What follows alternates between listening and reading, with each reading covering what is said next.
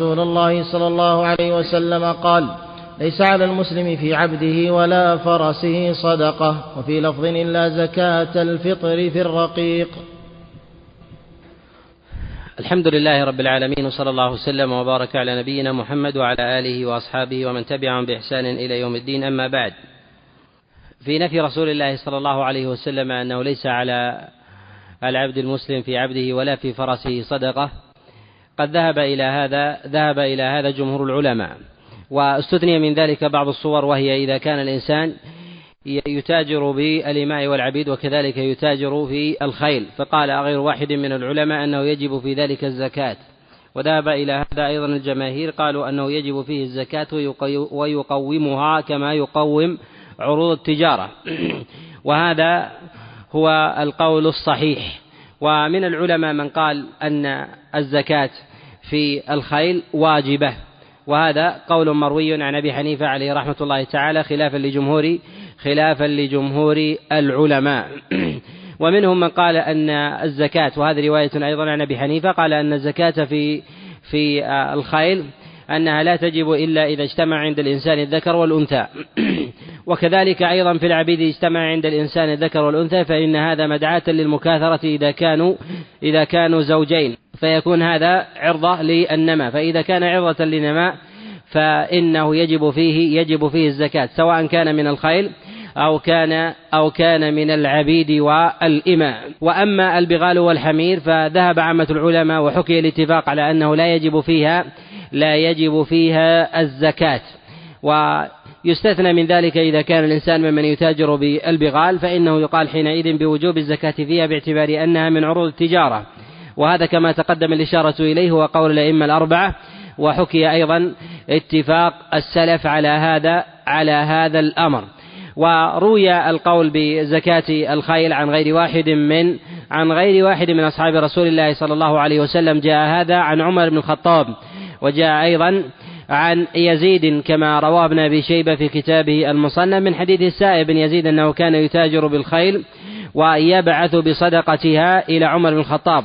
وجاء ذلك في بعض الروايات بإطلاق من غير تجارته بالخيل أنه كان يبعث بزكاة خيله إلى عمر بن الخطاب. ويحتمل أن ذلك المراد به هو المراد به هو زكاة عروض التجارة وليس المراد به هو زكاة الخيل الخيل بذاتها. وهل يقال أن الإنسان إذا كان لديه خيل متكاثرة على أي عدد وعلى أي قيمة كانت أن هذا لا يجب لا تجب فيه الزكاة؟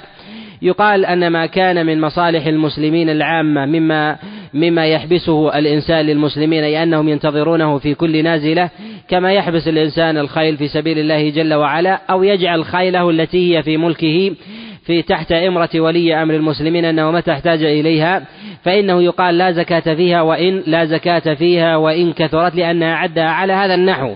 ولهذا ذكر رسول الله صلى الله عليه وسلم حال خالد بن الوليد أنه قد احتبس أدرعه في سبيل الله.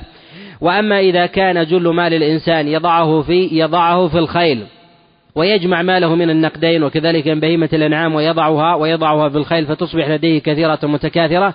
الأولى في ذلك أن يزكيها وعلى هذا يحمل ما جاء في الخبر عن عمر بن الخطاب عليه عليه رضوان الله تعالى. وأما ما استثناه في هذا الخبر في قوله إلا صدقة الفطر.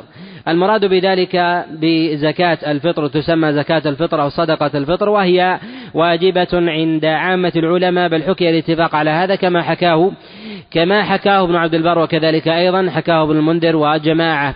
وروي عن بعضهم أنها ليست بواجبة وهذا مروي عن غير واحد من عن غير واحد من المتقدمين. ولكنه قول قول ليس بمعتبر. وهذا مروي عن ابن الأصم وكذلك ابن علية و وغيرهما وهو قول وهو قول مرجوح. والصواب في هذا والصواب في هذا أنها على الوجوب. على خلاف في مذهب أبي حنيفة في قولهم أنه أنهم يفرقون بين الفرض والواجب باعتبار أن الواجب ما ثبت بخبر ظني وما كان من الفروض فإنه يجب أو كان متحتما بخبر قطعي يقيني. وهم يفرقون بين هذا وهذا كما يفرق المالكية بين بين الرغائب وسائر وسائر السنن. نعم. قال رحمه الله وعن أبي هريرة رضي الله تعالى عنه أن رسول الله صلى الله عليه وسلم قال العجماء جبار والبئر جبار والمعدن جبار وفي الركاز الخمس الجبار الهدر الذي لا شيء فيه والعجماء الدابة. في قول رسول الله صلى الله عليه وسلم العجماء جبار والمراد بذلك من العجمة هي البهيمة التي لا تفصح. والإنسان إنما يسمى يسمى بالحيوان الناطق. والبهيمة تسمى حيوان ليس بناطق. قد ميز الله جل وعلا الإنسان بكمال العقل. ويوجد لدى البهائم شيء من العقل تحاسب عليه ولكنها لا تكلف بما يكلف به العباد وذلك مما تسير به شؤونها في مأكلها ومشربها وما تتقي به من حاجتها. وهذا يشهد له ظاهر ظاهر النص. وكذلك أيضا مجموع النصوص التي جاءت عن رسول الله صلى الله عليه وسلم منها ما جاء في صحيح الإمام مسلم من حديث أبي هريرة أن رسول الله صلى الله عليه وسلم قال لتؤدن الحقوق إلى أهلها وليقتصن الله من الشاة القرناء للشاة الجمة فيه دليل على أن البهائم فيما تختصم فيما بينها. فيما تنطح به القرن الجمة أنها تحاسب يوم القيامة على ذلك ولا تحاسب إلا ويوجد لديها شيء من الإدراك ما تميز به الحق الذي عليها عن الحق الذي عن الحق الذي لها. والله جل وعلا لا يظلم أحدا لا يظلم أحدا من البشر المكلفين الذين يملكون العقل ما يفعله الإنسان على سبيل الخطأ والنسيان. كما قال الله جل وعلا ربنا لا تؤاخذنا إن نسينا وأخطأنا. وكذلك أيضا ما جاء في السنن عفي عن امتي الخطأ والنسيان. وكذلك أيضا في لفظ تجاوز الله عن أمتي الخطأ والنسيان. فإذا كان هذا قد تجاوز الله جل وعلا عنه في الإنسان كامل العقل كامل الإدراك وأخذ الله جل وعلا به البهيمة ومما يدل على أن لديها شيء من الإدراك. كذلك أيضا ما جاء من إدراك بعض بعض من إدراك بعض المعاني كإدراك بعض آه، أزمنة الساعة كما جاء في الصحيح. وكذلك أيضا في المسند في قول رسول الله صلى الله عليه وسلم من يوم جمعة إلا إلا وإلا والبهيمة مصيخة. يعني أنها منصتة تنتظر قيام الساعة. قال غير واحد من العلماء فيه دليل على أن البهائم تدرك من أمر الساعة ما لا يدركه ما لا يدركه بنو آدم. وهي منزوعة كمال العقل الذي الذي يقتضي التكليف الائتمار والانتهاء. لكن لديها نوع من الإدراك لديها نوع من الإدراك تعرف فيها النافع والضار في في كثير في كثير من شأنها. ولهذا يعرف بالسبر من أحوال البهائم أنها أنها تتذكر من المعلومات ما لا يتذكره ربما الإنسان. وكذلك أيضا تتجنب وتتقي وتتقي من الأشياء ما لم تره في سالف أمرها باعتبار أنها تعرف أن هذا ربما يؤذيها أو يفقدها الحياة. وهذا معلوم في التجربة على اختلاف أنواع على اختلاف أنواع البهائم البهائم في هذا في هذا الأمر. وإنما قال رسول الله صلى الله عليه وسلم العجماء جبار أي أن المراد بذلك هي البهيمة التي تتلف من أمر الإنسان ما لا تدرك ما لا تدرك عاقبته وهي تدرك أن ذلك أن ذلك إتلاف وذلك انتقام. وهذا وهذا معلوم حتى حتى فيما جبلت عليه فيما جبلت عليه البهيمة. ولكن الله سبحانه وتعالى لا يعاقب البهيمة. كما أن الله جل وعلا لا يعاقب الإنسان على شيء لم يبين لم يبين الله جل وعلا حكمه. وإنما جعل الله سبحانه وتعالى البهيمة ما تفعله في الإنسان. وكذلك أيضا في ممتلكاته أنها جبار باعتبار أنه هدر أي لا قيمة لا قيمة ولا تعويض لما تفعله البهيمة. وهذا محل اتفاق عند العلماء فيما تفعله البهيمة فيما تفعله البهيمة في النهار. وحكي على هذا اتفاق العلماء وهو قول الأئمة قول الأئمة الأربعة. ويستثنى من ذلك بعض الصور وهي إذا كانت البهيمة معها قائدها كأن تكون مثلا الناقة أو يكون الفرس أو يكون الحمار أو البغل عليه عليه صاحبه أو يقوده قائده وأتى به في موضع ليس من مواضع ليس من المواضع التي تؤتى بها البهائم كطرق الناس وسوقهم ونحو ذلك. كذلك أيضا مجالسهم وميادينهم التي لا يأتي فيها مثلها في مثل هذا في مثل هذا الوقت والمكان. قالوا فإذا أتلفت شيئا من ذلك فإنه يجب فيها يجب فيها العوض. وذهب إلى هذا جماعة من الفقهاء وقد نص عليه الإمام مالك عليه رحمة الله وهو رواية عن الإمام أحمد وقال به جماعة من الفقهاء من الفقهاء من الشافعية. وأما ما تتلفه البهيمة بالليل فذهب جماعة من العلماء وهو قول الجمهور أن ما كان من البهائم مما يحفظ عادة أن يوضع له ما يحوطه من مما يحوطه من من الحيطان وكذلك أيضا مما يفعله الناس ما يحبسون به البهائم من عقال الناقة وغيرها فإن الإنسان يضمن بذلك. وهذا قول وهذا قول جمهور جمهور العلماء. والمراد بذلك ما تتلفه البهيمة كأن مثلا تضرب البهيمة بيدها أو برجلها أو برأسها أو ما تأكله كذلك أيضا من الزروع فإنه في النهار يجب على صاحب الزرع وصاحب المال أن يحفظ ماله. وأما ما لم يكن كذلك مما مما مما لم يحفظ فإنه عادة يتحمل في ذلك صاحب البهيمة. يتحمله في ذلك. صاحب البهيمة إذا كان في الليل باعتبار أن الناس لا يحفظون أموالهم بالليل وإنما يركنون يركنون إلى إلى النوم والراحة باعتبار أن الله جل وعلا قد جعل الليل قد جعل الليل سكنا. وما كان في حكم الليل مما ما كان في حكم الليل مما لا يستطيع معه الإنسان حفظ المال كالمواضع التي هي في العادة لا يوجد فيها البهائم كما تقدم الإشارة إليه في سوق الناس كذلك أيضا في دورهم في دخول البهائم ونحو ذلك فالغالب أن البهائم لا تدخل إلى الدور فإذا أدخلها صاحبها إلى دور غيره عمدا أو وضع الإنسان على ماله سياجا كان يضع مثلا على بستانه حائطا. فأحكمه وأغلقه وجاء من فتح ذلك في النهار ثم أدخل البهيمة فإنه تضمن فإنه يجب على صاحبها على صاحبها أن يضمن ذلك. وهذا وهذا قول جماهير جماهير العلماء. وإنما قال رسول الله صلى الله عليه وسلم بأن ما تتلفه البهيمة أنه جبار باعتبار أنه هدر باعتبار أن هذا هو هو الأصل وهو الغالب في فعل البهائم. وهذا ضبط لحياة الناس وكثير من الناس في ضبط كثير من المتلفات وكذلك أيضا تقييمها والعوض فيها. قد يورد كثير من الناس بعض الإشكالات والاستثناءات فيقول أنه إذا فعلت وإذا فعلت أو هذا لا يتسق من جهة النهار لا يتسق إطلاقه في باب مثلا في أبواب في بعض صور وأحوال الليل. كذلك أيضا ما أطلقناه من جهة عدم عدم أو في الضمان في الليل أن ذلك له صور كذلك في النهار ونحو ذلك. هل هذا يؤخذ باعتبار أن هذا يناقض الأصل يقال أن القاعدة العقلية كذلك القاعدة الشرعية أنه لا يمكن أن يحد الشيء بحد ضابط إلا بتحريم شيء من بتحريم شيء من الحلال. وهذا ينظر أيضا في أحوال في أحوال الناس في سائر معاملاتهم. فإن الإنسان الذي يريد أن يحرم محرما بينا ظاهرا من غير أن يأخذ منه شيء حلال. على سبيل الاحتياط فإن هذا غير غير ممكن ولهذا حرم الله جل وعلا الخمر وحرم معها القليل كالقطرة والقطرتين مع أنها لا تسكر باتفاق باتفاق الناس. وهذا النوع لا يمكن أن يحرم أكثره إلا بتحريم بتحريم أدناه كذلك أيضا في أحوال كثير في أحوال كثير من المحرمات في الشريعة. ولهذا الله جل وعلا قد رتب على كثير من المحرمات ورود الأضرار فكانت هي العلة. فكانت هي العلة في تحريم ذلك المحرم.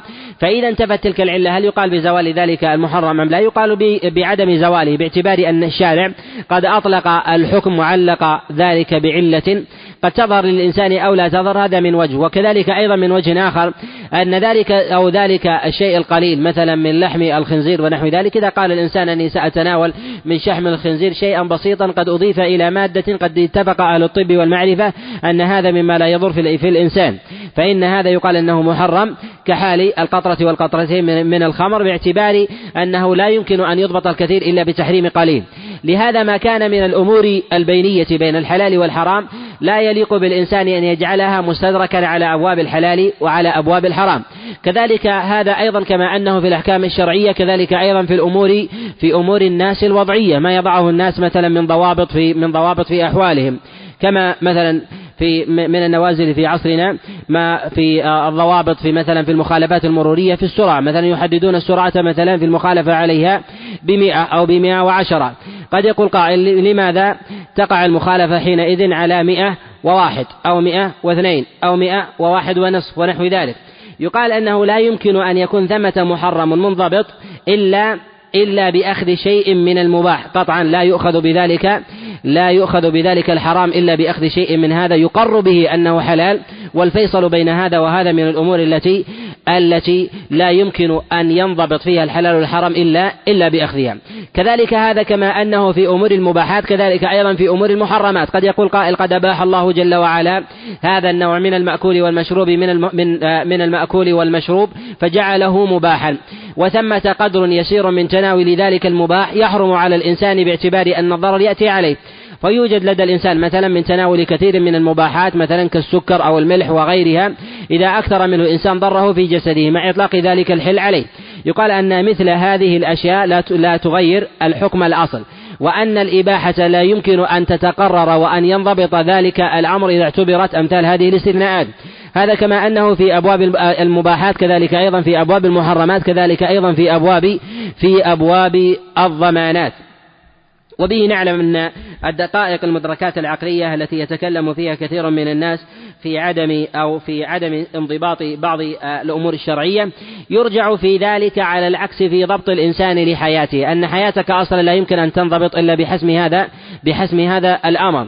فإن الإنسان على سبيل المثال إذا وقع في جريمة ووجد سكرانا فإنه يقام عليه الحد. قد يقال أنه قد سقي الخمر. أو شرب الخمر وجد وظنه ماء. وقد يقال أنه تقوم قرينة من هذا الأمر. يقال قد يقام عليه الحد ولا يلتفت إلى أمثال هذا باعتبار أن ذلك لو أخذ لأحبطت أو أسقطت كثير من نصوص من نصوص الشريعة. وهذا هنا كما هو متعلق أيضا في في حال العجماء وكذلك أيضا في آه، كذلك في المعدن وكذلك أيضا في البئر أن أن ما يقع منها أنه جبار باعتبار أنه هدر وقد يقع من ذلك شيء مما يشتبه فيه فيأخذ الإنسان فيأخذ الإنسان بالأصل باعتبار أن حياة الناس لا يمكن أن تنضبط إلا على هذا إلا على هذا الحزم. وهذا يتعلق به المفتي ويتعلق به القاضي. حتى لو وجد مثلا بعض القرائن ونحو ذلك الضعيفة التي يحتمل معها خروج هذا الأمر عن هذه عن هذه القاعدة باعتبار أن القاعدة هي أقوى من تلك القرينة التي طرأت طرأت على ذهن على ذهن الإنسان. وهذا آه، أيضا كما هو في البهيمة كذلك أيضا في البئر والمعدن. والمراد بالبئر أن الإنسان إذا حفر بئرا في بستانه أو حفر بئرا في داره. وسقط فيها غيره مما لم يكن في طريق الناس فإن فإن ذلك فإن ذلك هدر. وذلك أن الإنسان قد حفر هذه هذه البئر لحظ نفسه وكذلك في ملكه مما لا يطرقه الناس. ويخرج من هذا إذا حفر الإنسان في في أرض له بئرا وهو قد أذن للناس أن يتخذوا ذلك مسلكا. كأن يكون مثلا تكون هذه الأرض هي أرض له وقد أذن بالناس أن تكون هذه مسلكا لهم إلى مسجدهم وإلى سوقهم ولا طريق لهم إلا هذه الأرض. فقد أذن لهم إلى زمن معدود ثم أنه قد حفر بئرا من غير من غير بيان زمن من غير بيان الزمن لإذنه لهم السابق. فيقال أنه حينئذ أنه أنه يضمن باعتبار أن أنه قد رخص لهم في ذلك والأصل في ذلك أنها قد أخذت حكم أراضي المسلمين. وإذا حفر الإنسان في بادية وليست في مرعى حفر بئرا ثم سقطت فيها بهيمة. يقال أن هذا لا يخلو. إذا كان هذا من المراعي من مراعي المسلمين مما تعتاده بهائمهم فإنه يقال أنه يضمن. وإذا كان ذلك ليس من مواضع من مواضع إتيان البهائم فيقال أنه لا يضمن. وهذا ينطبق عليه القاعدة الأصلية في ذلك أن البئر أن البئر جبار أي أن ما من يقع فيها فهو هدر. كذلك أيضا في هذا ما يفعله مثلا في مصالح المسلمين العامة من من الحفريات مثلا تكون في الطرقات فتحفر ونحو ذلك ويوضع مثلا لافتات ويوضع سياج ونحو ذلك ثم يأتي من يخترق هذا السياج ويسقط فيه أو مثلا تسقط السيارة بعد اختراق ذلك السياج مع وجود مثلا المحصنات من ذلك كالإضاءة كذلك أيضا آه، كالخرسانة أو السياج أيضا الخشبي أو مثلا الحديدي آه، أو اللوحات ونحو ذلك فإن هذا يقال أنه هدر. إلا إذا وضعت مثلا الحفرة في طريق الناس ثم سقطت السيارة أو سقط الرجل ونحو ذلك فإنه يضمن باعتبار أن هذا في الطريق. وهذا ما كان في مصالح المسلمين العامة ويرخص لهم ويرخص لهم بسلوك ذلك سواء كان ذلك طريقا أو كان ذلك مجلسا أو كان ذلك أو كان ذلك مرعى ويخرج من ذلك ما تقدم الإشارة إليه من كون ذلك في ملك الإنسان أو في داره مما مما لا يدخل فيه أحد. يخرج من هذا ما أذن فيه الإنسان على سبيل التجزئة بدخول أحد من الناس إليه. وذلك كحال الإنسان الذي يحفر في بيته بئرا فإنه قد أذن له باعتبار باعتبار العادة أذن لزوجه وأذن لأولاده بدخول إلى هذا الموضع. فإذا حضر حفرة بئرا في بيته فدخلت زوجته أو دخل ابنه أو دخل عبده أو أمته فسقط في هذه الحفرة ولم يعلم ولم يعلم ولم يعلم بها. يقال أنه أنه في ذلك عليه عليه الضمان إذا كان عبده مكاتب بقدر بقدر ما تحرر منه. كذلك أيضا كذلك أيضا في زوجته إن توفيت فإنه عليه في ذلك عليه في ذلك الدية. وكذلك أيضا في ابنه. إذا قلنا بوجوب دفع الدية في قتل الخطأ بالنسبة لي بالنسبة لي الأب والكلام في هذا ليس هذا محل بسطه. وكذلك أيضا في المعدن. جبار. والمراد بالمعدن هي المعادن التي يستخرجها الناس من بطون من بطون الأرض.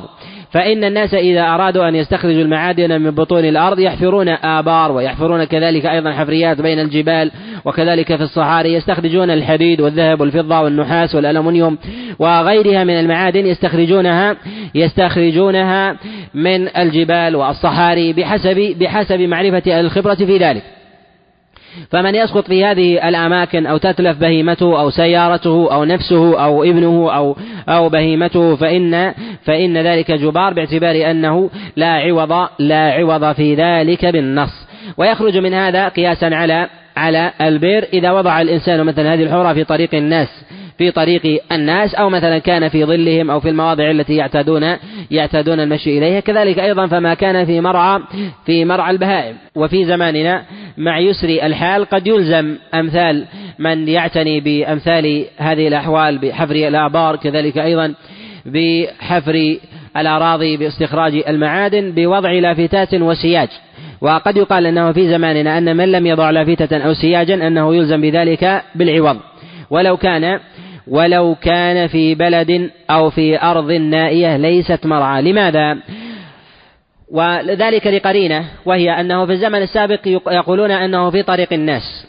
والناس الآن متكاثرون. يطرأ عليهم أنه لا تخلو بقعة أو وادي إلا ويمر عليه شخص ويذهب إليه مثلا متنزه أو يذهب إليه صاحب حاجة وكثرة القرى وكذلك أعداد الناس المستفيضة مما لم يخطر في بال في بال الأوائل بأمثال هذا العدد. لهذا يقال أنه ينبغي للإنسان في من استعمل شيئا من ذلك أن يضع سياجا أو يضع لافتة أو نورا ونحو ذلك يبين يبين لمن قدم إلى إلى مثل هذا المكان. ومن لم يضع فإنه يطلق القول بضمانه سواء كان ليلا أو نهارا ولو كان من المناطق من المناطق البعيدة.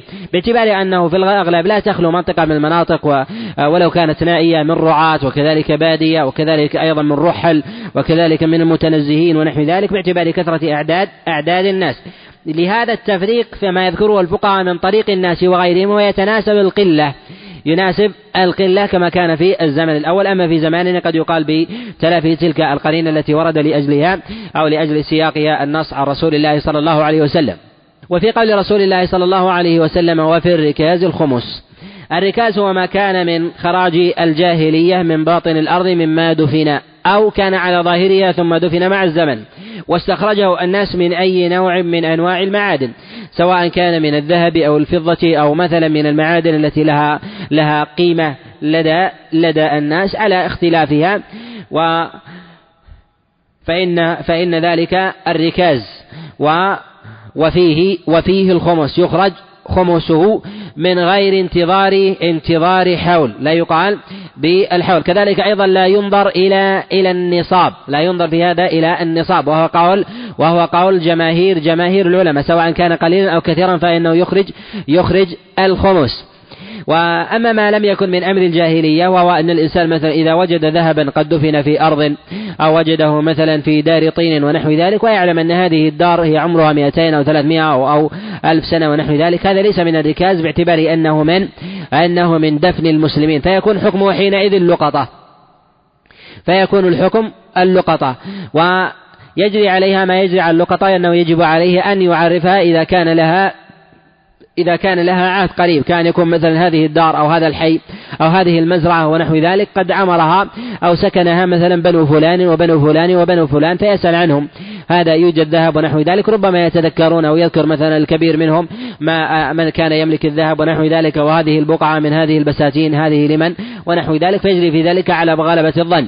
وأما إذا تقادم العهد. كأن يكون مثلا هذه الديار يقطنها أناس مثلا من خمسمائة سنة أو ألف سنة ونحو ذلك يتعذر في ذلك يتعذر في ذلك التعريف. حينئذ فتكون من جملة اللقطاء. هي هي له تكون كحيازة ماله. هل يخرج في ذلك الخمس؟ لا. باعتبار أن هذا المال هو من من مال من المال في الإسلام بخلاف المال الذي يغلب عليه بالجاهلية. وما استشكل فيه الإنسان هل المال هذا من الجاهلية أو من الإسلام؟ فإنه ينبغي في ذلك أن يرجع إلى أهل الخبرة خاصة مع تيسرهم في زماننا وكثرة أهل الاختصاص والتفنن في هذا الأمر ممن يعرفون مثلا ما يسمى بعلم الجيولوجيا وعلم الأرض وكذلك أيضا في آه، كذلك أيضا في معرفة تاريخ البلدان وساكنيها ونحو ذلك وكذلك أيضا ضرب المعادن والنقوش فيها وكذلك أيضا من يعتني بالرسوم النقوش القديمة والأثرية ونحو ذلك. فأصبح الناس يتفننون في ذلك ومعرفة تواريخ آه، وكذلك خطوط الأقوام وكذلك نقوشهم وما يهون فإنه ينبغي له في ذلك أن يرجع إلى الاختصاص. وإن رجع إلى أهل الاختصاص ولم يتبين له ما مثلا موضع هذه القلادة أو مثلا هذا هذه القطعة أو السبيكة من الذهب ونحو ذلك ولا يدري هي في الجاهلية أو في أو في الإسلام. ولم يكن لديه غلبة ظن في ذلك فيقال أنه في مثل هذا فإنه في مثل هذا يأخذ بالاحتياط. والاحتياط في هذا هل يكون لقطة أم يكون ركاز؟ الاحتياط في هذا أن يكون ركاز وهو أن يخرج الخمس باعتبار أن الإنسان إذا أراد أن يحتاط في ذلك أن يخرج ما أوجبه الله جل وعلا في أعلاه وما أوجبه الله جل وعلا عليه في أعلى هل يخرج الزكاة؟ على قدر الذهب بعد حول الحول أم يخرج الخمس في ابتداء تحصيله له. يقال أنه يخرج ذلك في ابتداء تحصيله باعتبار باعتبار أول حصوله حصوله له. وأما مصرف الركاز فأين يصرفها؟ هل هو كمصارف الزكاة في الأصناف الثمانية؟ أم أن الإنسان يصرف يصرف الركاز في نوع محدد منها؟ منهم من قال أن مصارف مصارف الركاز كمصارف الزكاة وهذا قول جمهور العلماء ومنهم من قال أن مصرف الركاز هو كمصرف الفي. الفي والغنائم.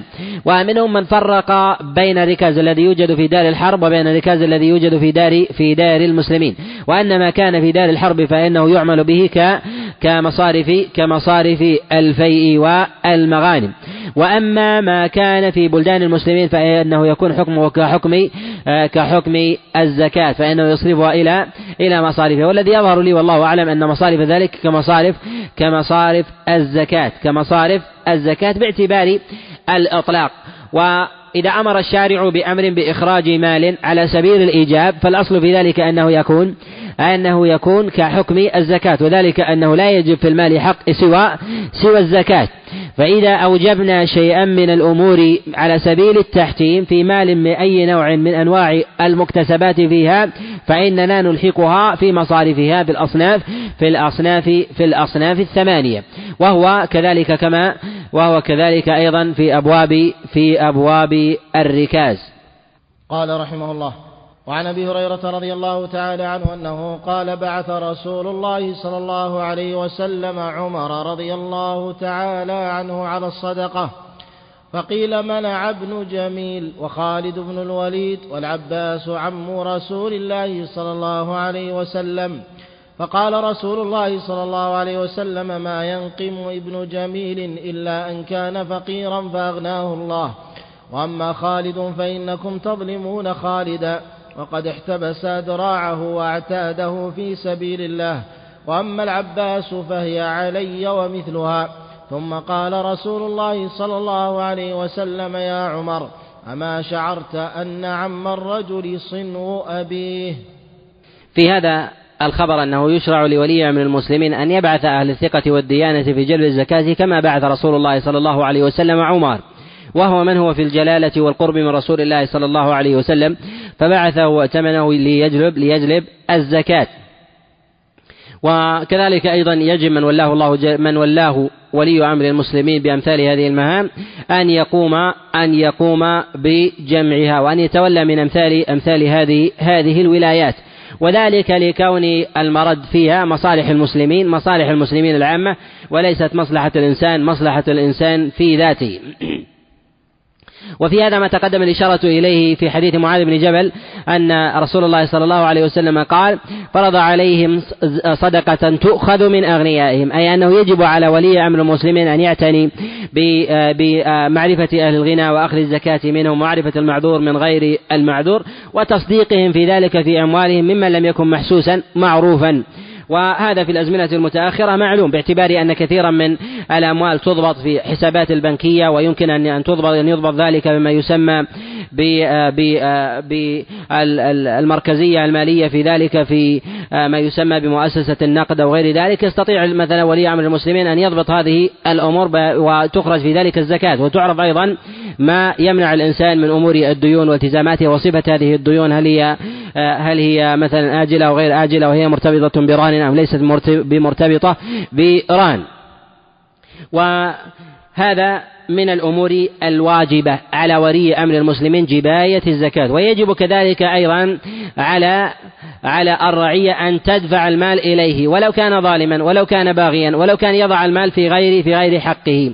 وهذا هو ظاهر أمر رسول الله صلى الله عليه وسلم وكذلك عمل الصحابة عليهم رضوان الله تعالى كما تقدم الإشارة إليه وقد أمر به غير واحد كعبد الله بن عمر عليه رضوان الله تعالى أيضا وكعبد الله بن مسعود وكذلك أيضا عبد الله بن عمرو وغيره من أصحاب من أصحاب رسول الله صلى الله عليه وسلم. وفيه أيضا أن عمر بن الخطاب عليه رضوان الله تعالى نقل إلى رسول الله صلى الله عليه وسلم ما وجده ممن ممن لم يدفع الزكاة. وفي هذا أن عمر بن الخطاب لم يحابي أحدا ولو كان قريبا من رسول الله صلى الله عليه وسلم فنقل الأمر إليه. قال أن العباس وهو يعلم أنه عمه أنه عم رسول الله صلى الله عليه وسلم. وفيه أن من ولاه الله جل وعلا ولاية في أمور الأموال وكذلك أيضا في في أمور الحسبة وكذلك أيضا في الأمن ونحو ذلك. ألا يحابي أحدا كان قريبا للوالي أو كان بعيدا منه أن يبلغه في ذلك الأمر وأنه يجب عليه في ذلك أن ينظر فيه ما تبرأ به ما تبرأ به الذمة. وفي هذا أنه يجب على الإنسان أن يستوثق ممن قام فيه قائم الاشتباه وذلك أن عمر بن الخطاب عليه رضوان الله تعالى قد أخذ الولاية من رسول الله صلى الله عليه وسلم بجباية الزكاة وما أخذ منه الولاية بإقامة العقوبة على من منعها وإنما نظر في من منع فرفع الأمر إلى رسول الله صلى الله عليه وسلم فاستبان النبي صلى الله عليه وسلم من أحوالهم. فكانت أحوالهم فكانت أحوالهم على ثلاثة. منهم من منع وهو ابن جميل. وعاتبه رسول الله صلى الله عليه وسلم عاتبه رسول الله صلى الله عليه وسلم في ذلك. وقيل أنه من المنافقين ثم حسن إسلامه. والله أعلم والله أعلم بذلك. ومنهم من قدم الزكاة وهو العباس عليه رضوان الله تعالى. وقد جاء هذا في خبر علي بن أبي طالب وكذلك عن عبد الله بن عباس عليه رضوان الله تعالى كما جاء في المسند وغيره. وذلك أن رسول الله صلى الله عليه وسلم قال قال إن إن العباس أسلفنا زكاته العام والعام الآتي أو الذي الذي يليه. وفيه دليل على أنه يجوز للإنسان أن يقدم أن يعجل الزكاة لحولين ونحو ذلك أنه لا حرج عليه وتسقط وتسقط عنه. إذا كان المال ثابت وإذا كان مثلا يزيد فإنه يجب عليه أن يخرج الزيادة في الحول في الحول الثاني ويدع ما أخرج زكاته قبل قبل ذلك. وهذا لظاهر النص عن رسول الله صلى الله عليه وسلم في خبر علي بن أبي طالب وكذلك عبد الله بن عباس في المسند وكذلك أيضا عند الترمذي في كتابه في كتابه السنن. وكذلك أيضا فإن خالدا عليه رضوان الله تعالى لم يمنع فضله وجلالة قدره من شكاية عمر بن الخطاب عليه رضوان الله تعالى لرسول الله صلى الله عليه وسلم حاله. وفيه أن ما كان من حق الله جل وعلا ينبغي ألا يحاب به أحد حتى حتى أهل أهل الفضل. وأنه ينبغي في ذلك أن يذعنوا. فلما قامت الشبهة في خالد بن الوليد عليه رضوان الله تعالى بين رسول الله صلى الله عليه وسلم عذره أن أدرعه التي تطلبون الزكاة منها قد حبسها في سبيل الله أي أنها ليست ليست له وهذا غاية غاية الإنفاق في سبيل الله. فالأدرع التي التي لديه وتطلبون زكاتها هي ليست مالا ليست مالا له بل هي بل هي من أموال المسلمين. حبسها حبسها في سبيل الله.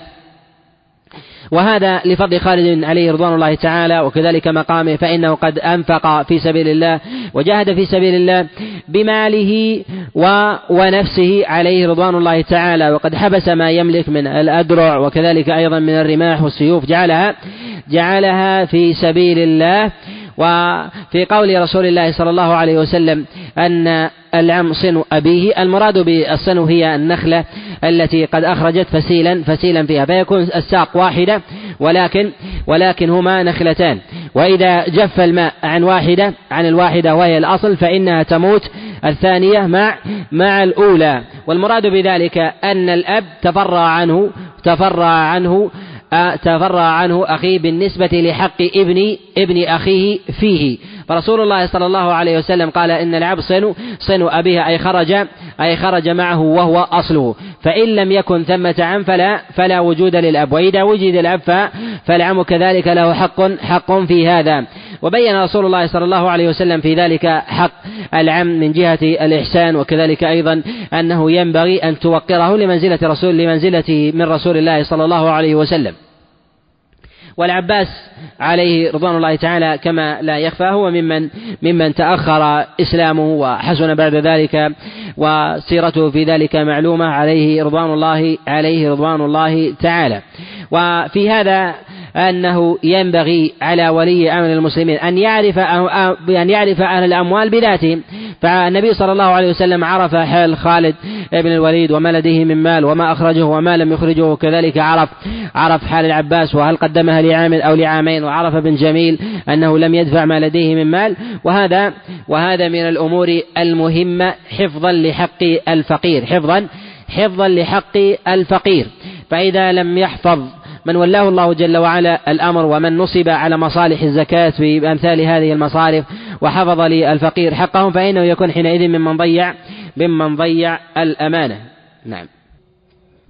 قال رحمه الله وعن عبد الله بن زيد بن عاصم رضي الله تعالى عنه أنه قال لما أفاء الله على رسول الله صلى الله عليه وسلم يوم حنين قسم في الناس وفي المؤلفة قلوبهم ولم يعط الأنصار شيئا فكأنهم وجدوا إذ لم يصيب إذ لم يصبهم ما أصاب الناس فخطبهم فقال يا معشر الأنصار ألم أجدكم ضلالا فهداكم الله بي وكنتم متفرقين فألفكم الله بي وعالة فأغناكم الله بي كلما قال شيئا قالوا الله ورسوله أمن قال ما يمنعكم أن تجيبوا رسول الله صلى الله عليه وسلم؟ قالوا الله ورسوله أمن. قال لو شئتم لقلتم جئتنا كذا وكذا. ألا ترضون أن يذهب الناس بالشاة والبعير وتذهبون بالنبي صلى الله عليه وسلم إلى رحالكم؟ لولا الهجرة لكنت امرأ من الأنصار. ولو سلك الناس واديا وشعبا لسلكت وادي الأنصار وشعبها. الأنصار شعار والناس دثار. إنكم ستلقون بعدي أثره. فاصبروا حتى تلقوني على الحوض. هذا الخبر يتعلق بالفيء و وإخراجه ولا صلة له في الزكاة. ولعل المصنف عليه رحمة الله تعالى في إراده له في هذا الأمر. يريد بذلك المصارف في مصارف المؤلفة قلوبهم. وفي هذا أن رسول الله صلى الله عليه وسلم في عام آه، حنين لما فتح رسول الله صلى الله عليه وسلم مكة ثم ذهب إلى حنين وأعطاه الله جل وعلا ما أفاء الله جل وعلا عليه من خير وفير من آه، هوازن. تسمى حنين وتسمى أوطاس وتسمى أيضا في هوازن. باعتبار أن الذين قاتلوا رسول الله صلى الله عليه وسلم هم من من هوازن كالأغلب.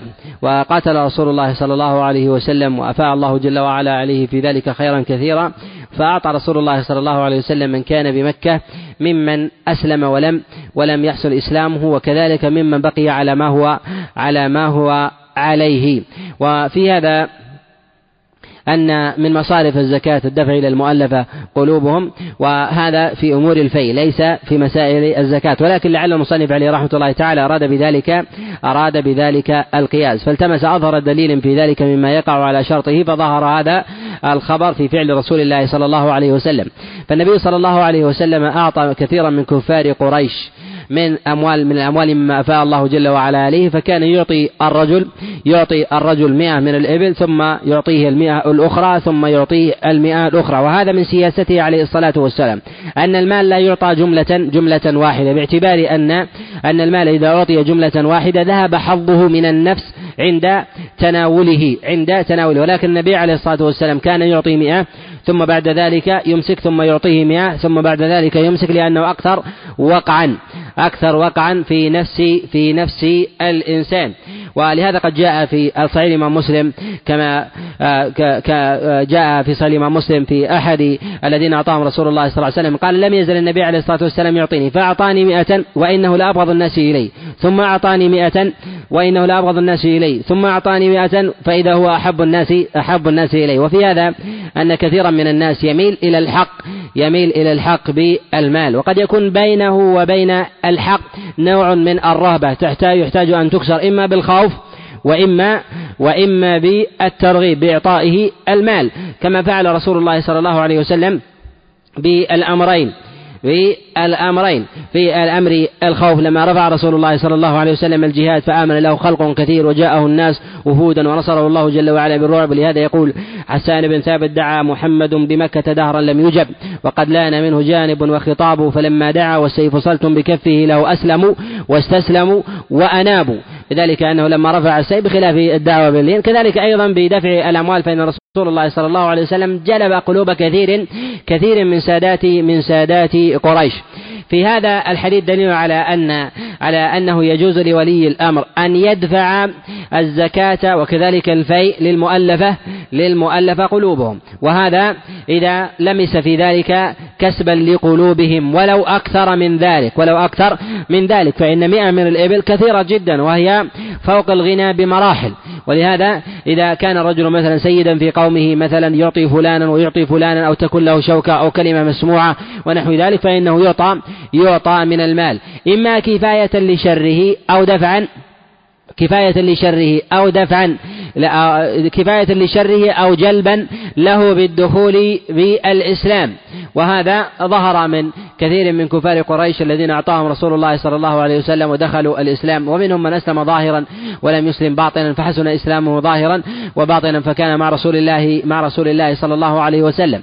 فالنبي عليه الصلاة والسلام أعطى جماعة ممن أعطى أعطى النبي عليه الصلاة والسلام أبا سفيان بن حرب. فلما أعطاه مئة من, مئة من الإبل قال يا محمد أعطي يزيد. يريد بذلك يزيد بن أبي سفيان وهو أخو أخو معاوية. فلما أعطاه من الإبل قال أعطي معاوية. فأعطاه من الإبل فحسن مع رسول الله صلى الله عليه وسلم وقصته في ذلك قصته في ذلك معروفة. والزكاة في دفعها للمؤلفة قلوبهم هذا كما أنه في الكفار كذلك أيضا في المسلمين ممن دخل في الإسلام وهو حديث عهد بإسلام ويخشى من من آه، من ردته أو يخشى من انتكاسته ونحو ذلك كان يكون سيدا في قومه أن يعطى شيء من المال أو يعطى دارا أو يعطى بستانا أو يعطى إبلا ونحو ذلك فإن هذا من الأمور التي يؤلف فيها يؤلف فيها القلب. وهذا وهذا من مصارف من مصارف الزكاة. وهي كذلك أيضا وهي كذلك أيضا في المؤمنين الذين يظهر منهم يظهر منهم النفاق. إذا رأى ولي الأمر في ذلك فإنه فإنه لا حرج لا حرج في هذا تأليفا لقلوبهم. كما هو ظاهر النص عن رسول الله صلى الله عليه وسلم فإنه أعطى جملة من جملة ممن دخل في الإيمان معه عليه الصلاة والسلام.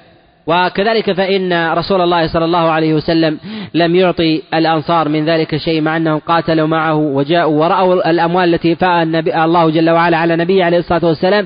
مع ذلك أعطاها غيرهم ولم يعطيها ولم يعطيها إياهم. في هذا في هذا دلالة على أنه ينبغي لمن لمن استنكر شيئا من ظواهر الفعل من أو من ظواهر الأحكام أن لا يحكم في ذلك عقله. ولهذا الأنصار لما جاءوا إلى رسول الله صلى الله عليه وسلم وكان منهم من كان في صفهم, صفهم كما جاء في مسند الإمام أحمد قال أحد منهم قال قلنا لكم قلنا لكم أي الأنصار أنه إن مكن الله له عليكم أن ينقلب أن ينقلب عليكم ما قد فعل. يعني النبي عليه الصلاة والسلام يستغلون أمثال هذه الأحداث. وهم من جاهد مع رسول الله صلى الله عليه وسلم وقاتل وقاتل معه. في هذا أنه ينبغي على ينبغي على المؤمنين أن يدفعوا أمثال هذه الشبهات في كثير من الأحكام أو كثير من الأمور مثلا في أمثال هذه القضايا التي تقع مثلا بين المسلمين والكفار ونحو ذلك وأن يحملوها على المحامل على المحامل الحسنة. كذلك أيضا بالنسبة لولي أمر المسلمين إذا وقع في أحد شبهة وإحنا فإنه ليس فإنه ليس بأعلى من رسول الله صلى الله عليه وسلم في ذلك. فالصحابة عليهم رضوان الله تعالى حينما وقع من أصحاب من من النبي عليه الصلاة والسلام ما وقع ما كتموا في أنفسهم جاءوا إلى رسول الله صلى الله عليه وسلم وأخبروا وأن من استدرك عليه بقول أو فعل أو أو غير ذلك أو بعطية أو أنه أجحف في حق أحد وكل وكل ما في ذلك. ينبغي ألا تأخذه العزة العزة بما بما فعل. وإن كان له مبرر في ذلك أن يبينه كما بينه رسول الله صلى الله عليه وسلم. فبين أنه أعطى أولئك ليكلهم إلى المال. وأنتم وكلكم الله جل وعلا إلى إيمانكم. ولهذا قال رسول الله صلى الله عليه وسلم كما جاء في الصحيح من حديث سعد بن وقاص قال أعطى رسول الله صلى الله عليه وسلم رجلا أعطى رسول الله صلى الله عليه وسلم رجلا وترك الآخر. فقلت يا رسول الله ما لك لم تعطي فلانا؟ فإني لأظنه لأظنه مؤمنا. فقال رسول الله صلى الله عليه وسلم أو مسلما فلما كان في الثالثة التفت النبي عليه الصلاة والسلام إلى سعد. فقال يا سعد إني لأعطي الرجل وغيره أحب إلي منه خشية أن يكبه الله في النار. والمراد بذلك أن هذا الرجل أريد أن أتألف قلبه. ليس لحظ نفسي ولا ولا لحظ ذاته وإنما خشية أن يرجع عن الإيمان إلى الكفر و... و... ثم أفديه بهذا المال من الزكاة حتى يحسن إسلامه. لهذا ينبغي للإنسان في مثل هذا أن يتألف قلوب من يتألف؟ من يستطيع أن يتألف؟ قلبه من المسلمين الذين ضعاف ضعفاء الإسلام ممن مثلا يفيدون إلى هذه البلدان أو كان من مثلا في هذه البلد وقلبه ضعيف يخشى أن ينضوي تحت أهل الزيغ ونحو ذلك يؤلف قلبه بالكلمة الحسنى يؤلف قلبه بالكلمة الحسنى وبالمال ونحو ذلك حتى لا ينجر ولا ينجرف إلى إلى طرق الغواية الغواية والشر. كذلك أيضا ينبغي في حال ظهور في حال ظهور الملامة أو مثلا خفاء حق أحد على أحد أن يقر به كما أقر به رسول الله صلى الله عليه وسلم. النبي عليه الصلاة والسلام أقر بما فعله الأنصار معه عليه الصلاة والسلام. قال لو شئتم لقلتم كذا وكذا. فذكر رسول الله صلى الله عليه وسلم ذلك لكن الراوي لم يذكر هذا تعظيما لرسول الله صلى الله عليه وسلم. قد جاءت في بعض الروايات قال لو شئتم قلتم لقد وجدناك طريدا فآويناك ووجدناك خائفا فآمناك. وجدناك جائعا فأشبعناك.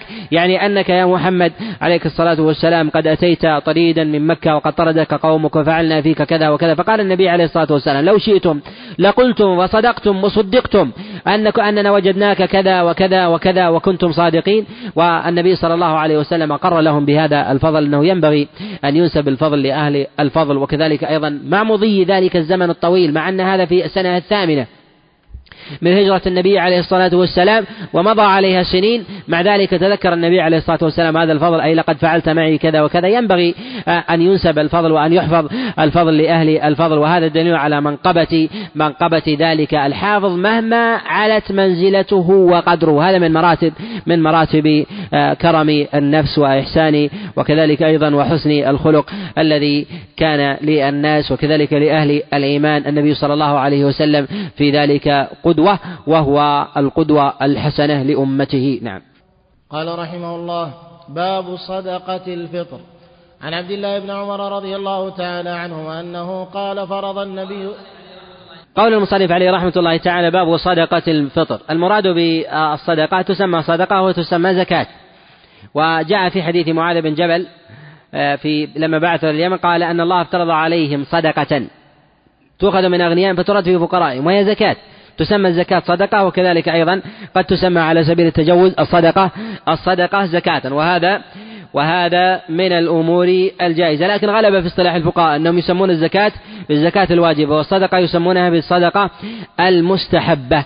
وغلب أيضا تسمية ذلك ب بصدقة الفطر. وعند كثير من المتأخرين تسمى تسمى زكاة الفطر. وفي اصطلاح اللفظ النبوي تسمى صدقة صدقة الفطر. واصطلح الفقهاء من المتأخرين على تسميتها بزكاة زكاة الفطر وإنما سميت زكاة الفطر لأنها في أول يوم يفطر يفطر الناس فيه بعد بعد رمضان فسميت زكاة الفطر.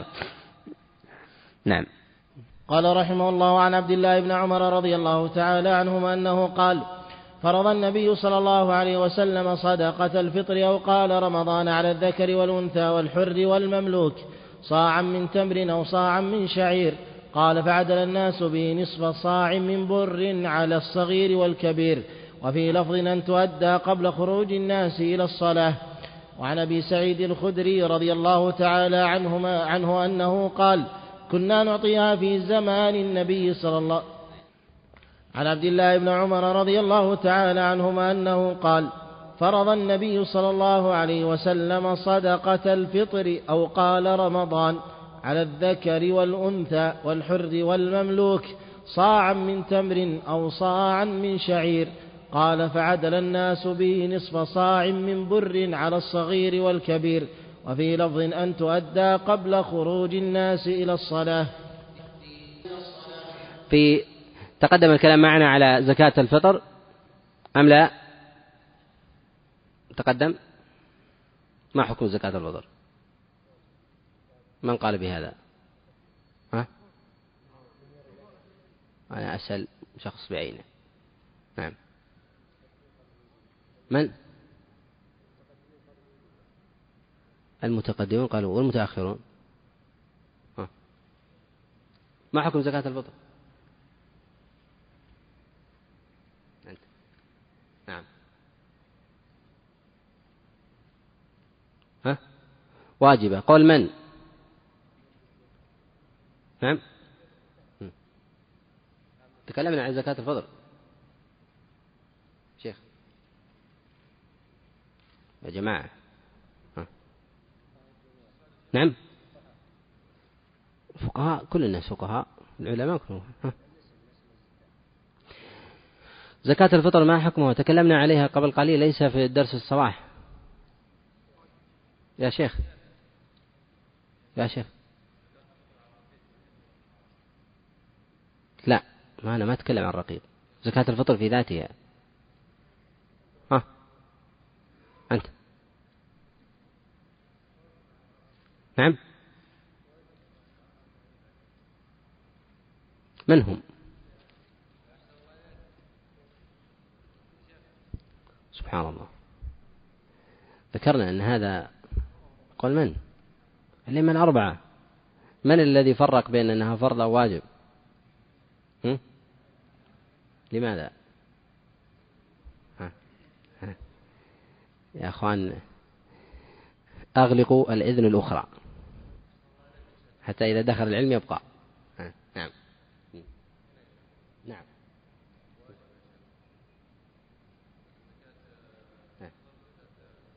زكاة الفطر ما ما حكم زكاة الفطر طيب عند قول من؟ ها إحنا نطلب العلم نعرف الأقوال و... نعم. ما يحتاج رسول هو العمدة لكن تكلمنا نحن في مسائل الفقه مسائل خلافية. زكاة الفطر واجبة باتفاق الأئمة الأربعة. من الذي قال بعدم وجوبها؟ ها أي وغيره. أحسنت. وهناك من قال بعدم وجوبها كابن الأصابع العلية وفرق الحنفية بين الفرض والواجب. على اختلاف عندهم أن الواجب ما ثبت بدليل ظني وأن الفرض ما هو ثبت بدليل بدليل قطعي. هذا قلناه قبل قبل دقائق. فكيف لو مضى عليه يوم؟ نعم.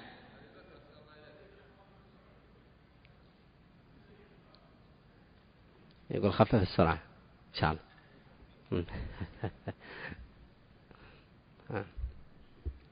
نعم. بالإجماع. نعم.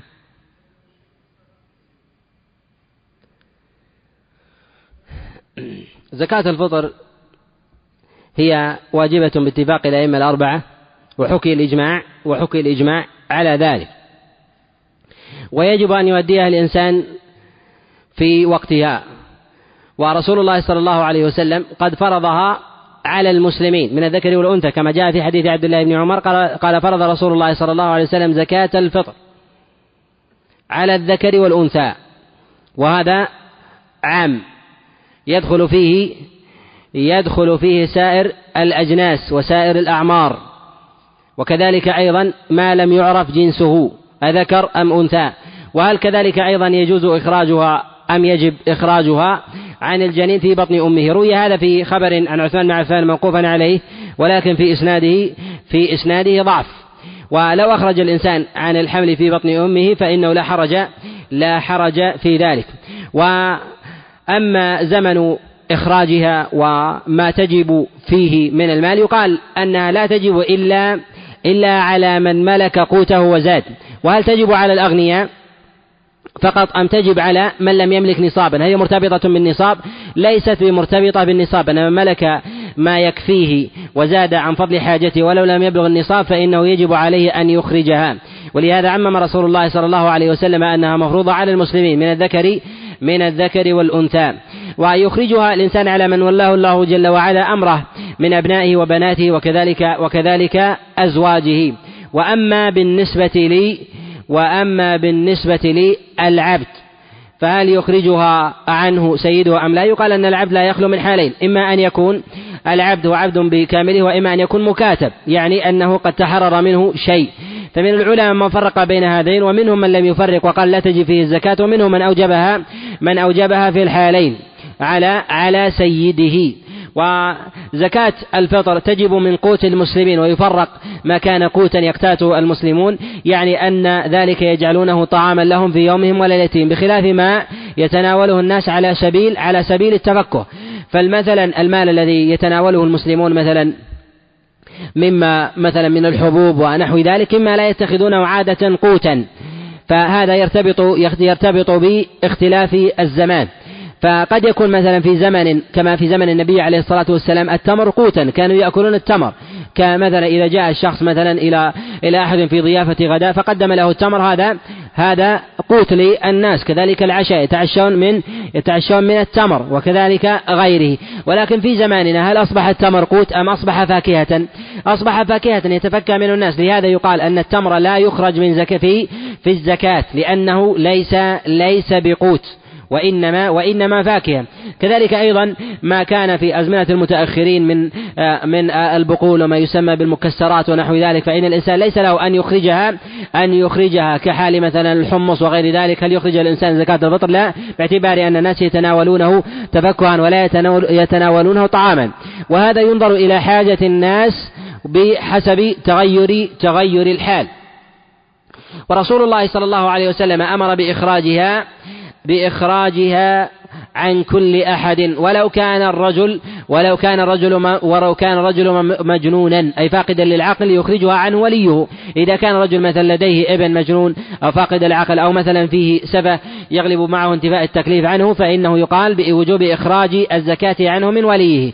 وحكمه في ذلك كحكم الصبي فإن الصبي الصغير مثلا الذي في مهدي لا يملك من العقل بل قد يكون مثلا من به جنون أو به سفة يملك من العقل أكثر مما يملكه مما يملكه الصبي الصغير. فيقال حينئذ أنه يجب عليه أن يخرج الزكاة عنه والوجوب هنا ينصرف إلى ولي أمره ولا ينصرف إليه باعتبار أنه ليس من أهل التكليف. وهذا نظير ما جاء عن رسول الله صلى الله عليه وسلم في المسند والسنن. في قوله عليه الصلاة والسلام مروا أبناءكم بالصلاة وهم أبناء سبع, سنين واضربوهم عليها وهم أبناء أبناء عشر. فيه دلالة على أن الأمر يتجه إلى ولي الأمر لا يتجه إلى الصبي فإنه لا يجب عليه حتى حتى يبلغ. فإذا بلغ فإن الأمر ينتقل من من ولي أمره إلى من ولي أمره إليه. وهذا لا خلاف عند العلماء في ذلك. وإنما ربما يتباين هذا في مسألة من به سفاه فلم يكتمل عقله تاما فكان به شبه في به شبه بالصبي ونحو ذلك من ناهز البلوغ أو كان دونه فإنه يجب على ولي أمره أن يطره عليه أو أن يضربه كحال كحال ضربه للصبي ممن ممن بلغ عشر سنين وامتنع عن أداء عن أداء الصلاة. وتخرج من قوت المسلمين وهذا ينظر فيه كما تقدم بحسب بحسب الزمن وكذلك أيضا بحسب حال البلد. فما كان مثلا في بلدنا قوت قد لا يكون مثلا في الشام في الشام قوتا. مثلا على سبيل المثال قد يكون مثلا الأرز في بلد لا يسمى لا يسمى قوتا ويوجد مثلا في أغلب البلدان القوت وقد يوجد مثلا في الزمن الأول أن الأرز طارئ عليهم ومعلوم أن الأرز لم يكن في زمن النبي عليه الصلاة والسلام وإنما كان في زمن الصحابة وجده الصحابة عليهم رضوان الله تعالى في بعض الفتوحات. ولهذا لم يذكر في هذا لم يذكر في هذا الخبر. وقد يوجد مثلا في بعض الأزمنة الدقيق والحنطة البر أن هذا من قوتهم فيخرج من فيخرج من قوتهم. ويخرج الإنسان المتوسط من المتوسط من المال كحال كحال إخراجها من أموال من أموال الفقراء. وهنا من أموال الأغنياء إلى الفقراء كما تقدم في في كرائم أموال الناس في خبر معاذ بن جبل عليه رضوان الله تعالى. هنا رسول الله صلى الله عليه وسلم أمر المسلمين بإخراج الزكاة أي بذاتهم وما أقام أحدا يقوم برعايتها وما أرسل أحدا أن يخرج زكاة الفطر ويدور على الناس كحال كحال الزكاة التي التي تجب بملك النصاب وكذلك بدور الحول عليها واستقرار الملك وبه نعلم أن أنه لا يشرع لا يشرع أن يقيم ولي الأمر على الناس بأعيانهم من يتتبع أحوالهم بإخراج زكاة الفطر فإن هذا لم يكن من رسول الله صلى الله عليه وسلم. إذا ما الذي يشرع في هذا؟ يشرع هو تعليم الناس. ودعوتهم إلى ذلك وحثهم عليه وتوجيههم في منابر الجمع وكذلك أيضا في وسائل الإعلام وكذلك أمرهم على سبيل الإجمال. كما هنا في إخبار رسول الله صلى الله عليه وسلم فرض رسول الله صلى الله عليه وسلم زكاة الفطر وحثهم ودعوتهم إلى ذلك. ولكن لو علم أن أحدا من المسلمين لم يدفع الزكاة ليس لولي الأمر أن يحاسبه على ذلك. باعتبار أن فرضية زكاة الفطر تختلف عن فرضية زكاة المال. وذلك من وجوب باعتبار أن أثرها على الفقير أقل من زكاة الحول باعتبار أن زكاة الحول قد يخرج الإنسان مثلا مليون أو يخرج مثلا مئة من الغنم مئة من الإبل. وأما في زكاة الفطر ولو كان غنيا فإنه يخرج صاع. فحينئذ يتحد تتحد زكاة الغني مع زكاة مع زكاة من دونه بمراحل. فالذي مثلا لا يملك إلا قوت يومه فإنه يخرج مثل زكاة الغني الذي يملك القناطير المنقنطرة باعتبار ضعف أثرها ما شدد في أمرها الشارع. كذلك أيضا فإنها إنما كانت بعد صيام والنفوس تتشوف إلى إخراج الزكاة من غير رقيب بخلاف الزكاة التي يدور عليها الحول. فالإنسان الذي يصوم رمضان وقد صامها والشياطين قد سفدت ونحو ذلك فإنه يقبل إلى إخراج الزكاة ولا يحتاج رقيبا رقيبا عليه. بخلاف زكاة المال فإنها تحتاج إلى رقيب لطول لطول العهد كذلك عدم اقترانها بمثل شهر رمضان.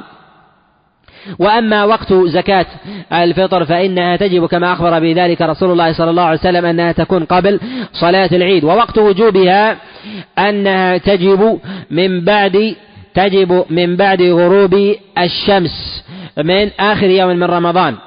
يجب أن يدفع من بعد غروب الشمس إلى إلى صلاة الفجر. ومن العلماء ما قال من طلوع الفجر إلى إلى الصلاة. وأن من أخرجها بعد الصلاة لا تجزي عنه على خلاف عند العلماء في المعذور. في من في من كان معذورا كأن يكون الإنسان مثلا غلبه نوم ولم يستيقظ وكنوم الإنسان مثلا عن الفريضة الغالبة كما نام النبي عليه الصلاة والسلام عن صلاة الفجر في حديث عمران بن حسين وأبي هريرة. هل يقضيها؟ يقال أن هذا من المسائل الخلافية وصاب أنه له أن يقضيها إذا كان الإنسان معذور ولم يكن ذلك على سبيل التساهل. فنام الإنسان مثلا عنها وقد جهزها وهيأها أو جمع مالها وجعله جانبا وقال هذا هذا مال زكاة الفطر سأخرج مثلا.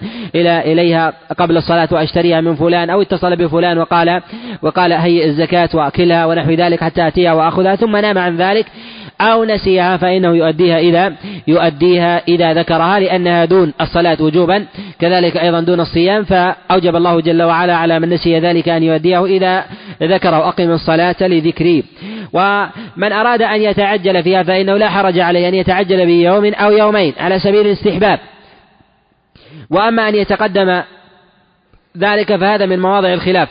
ذهب الإمام مالك وكذلك الإمام أحمد إلى أنه لا يتقدم أكثر من ذلك وذهب الإمام الشافعي أنه لا حرج عليه أن يقدمها في أول رمضان وذهب حنيفة إلى أنه لا حرج عليه أن يقدمها عن رمضان كله. وصابوا في ذلك أنه لا حرج عليه أن يتقدم بيوم أو يومين ولا أن يقدمها قبل ذلك. لماذا؟ لأن هذه الزكاة هي زكاة الفطر وهي مرتبطة ب مرتبطة بانتهاء الصيام. كذلك أيضا هي طهرة للصائم. فمن قدمها قبل استحقاق استحقاقها وقبل مناسبتها فقد أداها في غير في غير زمنها. كذلك فإن العلة التي شرعها لأجلها الشارع وهي أنها طهرة للصائم وتكمل نقص الصيام كذلك أيضا اسمها الذي أطلقها اسمها الذي أطلقها الشارع عليه وهي زكاة الفطر تنتفي لو أخرجها الإنسان مثلا في أول رمضان أو أخرجها الإنسان قبل رمضان. وهذا لهذا يقال أنه لا يجوز للإنسان أن يقدمها أن يقدمها قبل عيد الفطر بيومين. وذلك لأن رسول الله صلى الله عليه وسلم إنما رخص في ذلك بيومين. ومن قال من العلماء في ذلك على سبيل الاجتهاد فهو فله حظ من النظر ومن قلده في ذلك فهو فهو معذور فهو معذور أيضا. ويخرجها الإنسان إلى إلى الفقير المحتاج وهي إلى الأصناف الثمانية وهي الأصناف الثمانية أيضا جائزة. ولو دفعها الإنسان إلى من يملك حاجته فلا حرج فلا حرج في ذلك. وقد رخص في هذا بعض السلف وروي عن أيضا عن الإمام أحمد عليه رحمة الله. وكذلك أيضا فإن الفقير إذا دفعت إليه الزكاة وجد حاجة هل يخرج الزكاة من الزكاة التي أعطيت إياه؟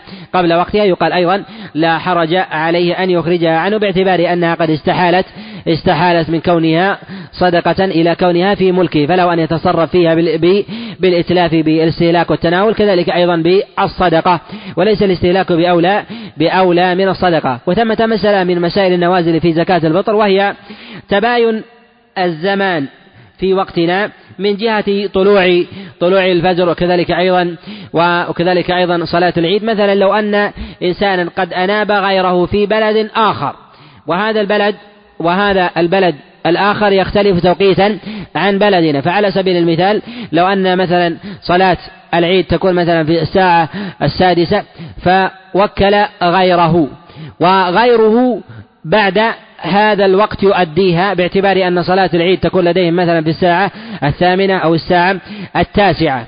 فهل يصح ذلك؟ هل يصح ذلك أم لا؟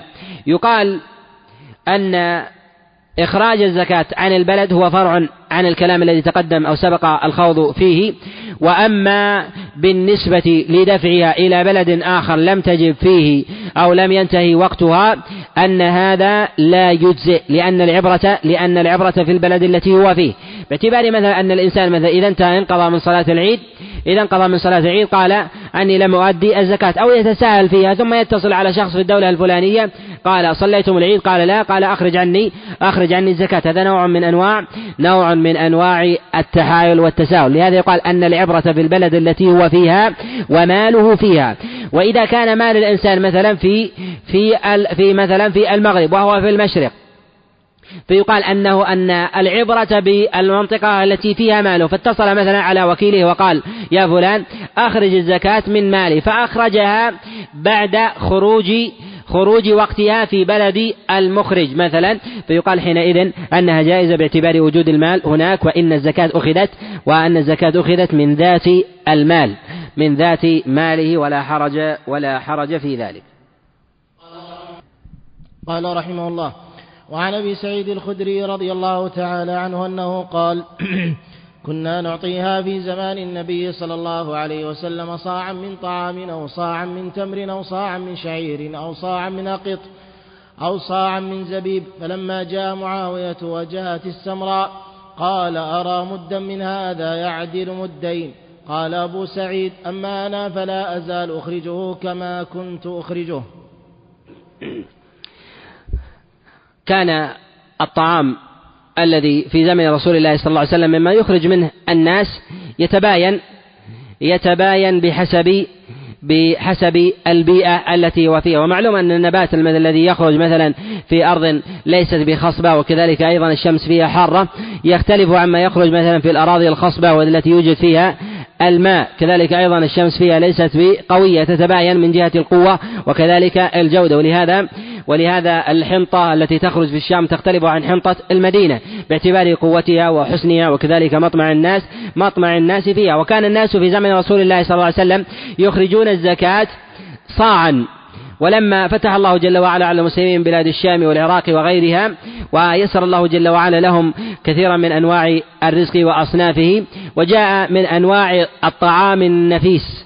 فهل يقال أن الطعام النفيس يخرج على النصف مما يخرج في زمن رسول الله صلى الله عليه وسلم؟ هذا من مواضع الخلاف. ذهب جمهور العلماء إلى أنها صاع على السواء إلى أنها إلى أنها صاع على السواء. كان من الطعام الجيد أو من الطعام أو من الطعام الردي. ولكن يقال أن هذا يفتقر إلى تفصيل وهو وهو على نحو التاويل. أولا إذا كان المال الذي يخرج في بلد لا ينبت فيه هذا النبات فإنها قد يقال بهذا القول بهذا على هذا التفصيل. مثال ذلك مثلا في المدينة أو مثلا في نجد. فإن مثلا البر والحنطة الجيدة لا تخرج في هذه في هذه البلد وتخرج مثلا في بلدان أخرى كبلاد مصر والشام وغيرها.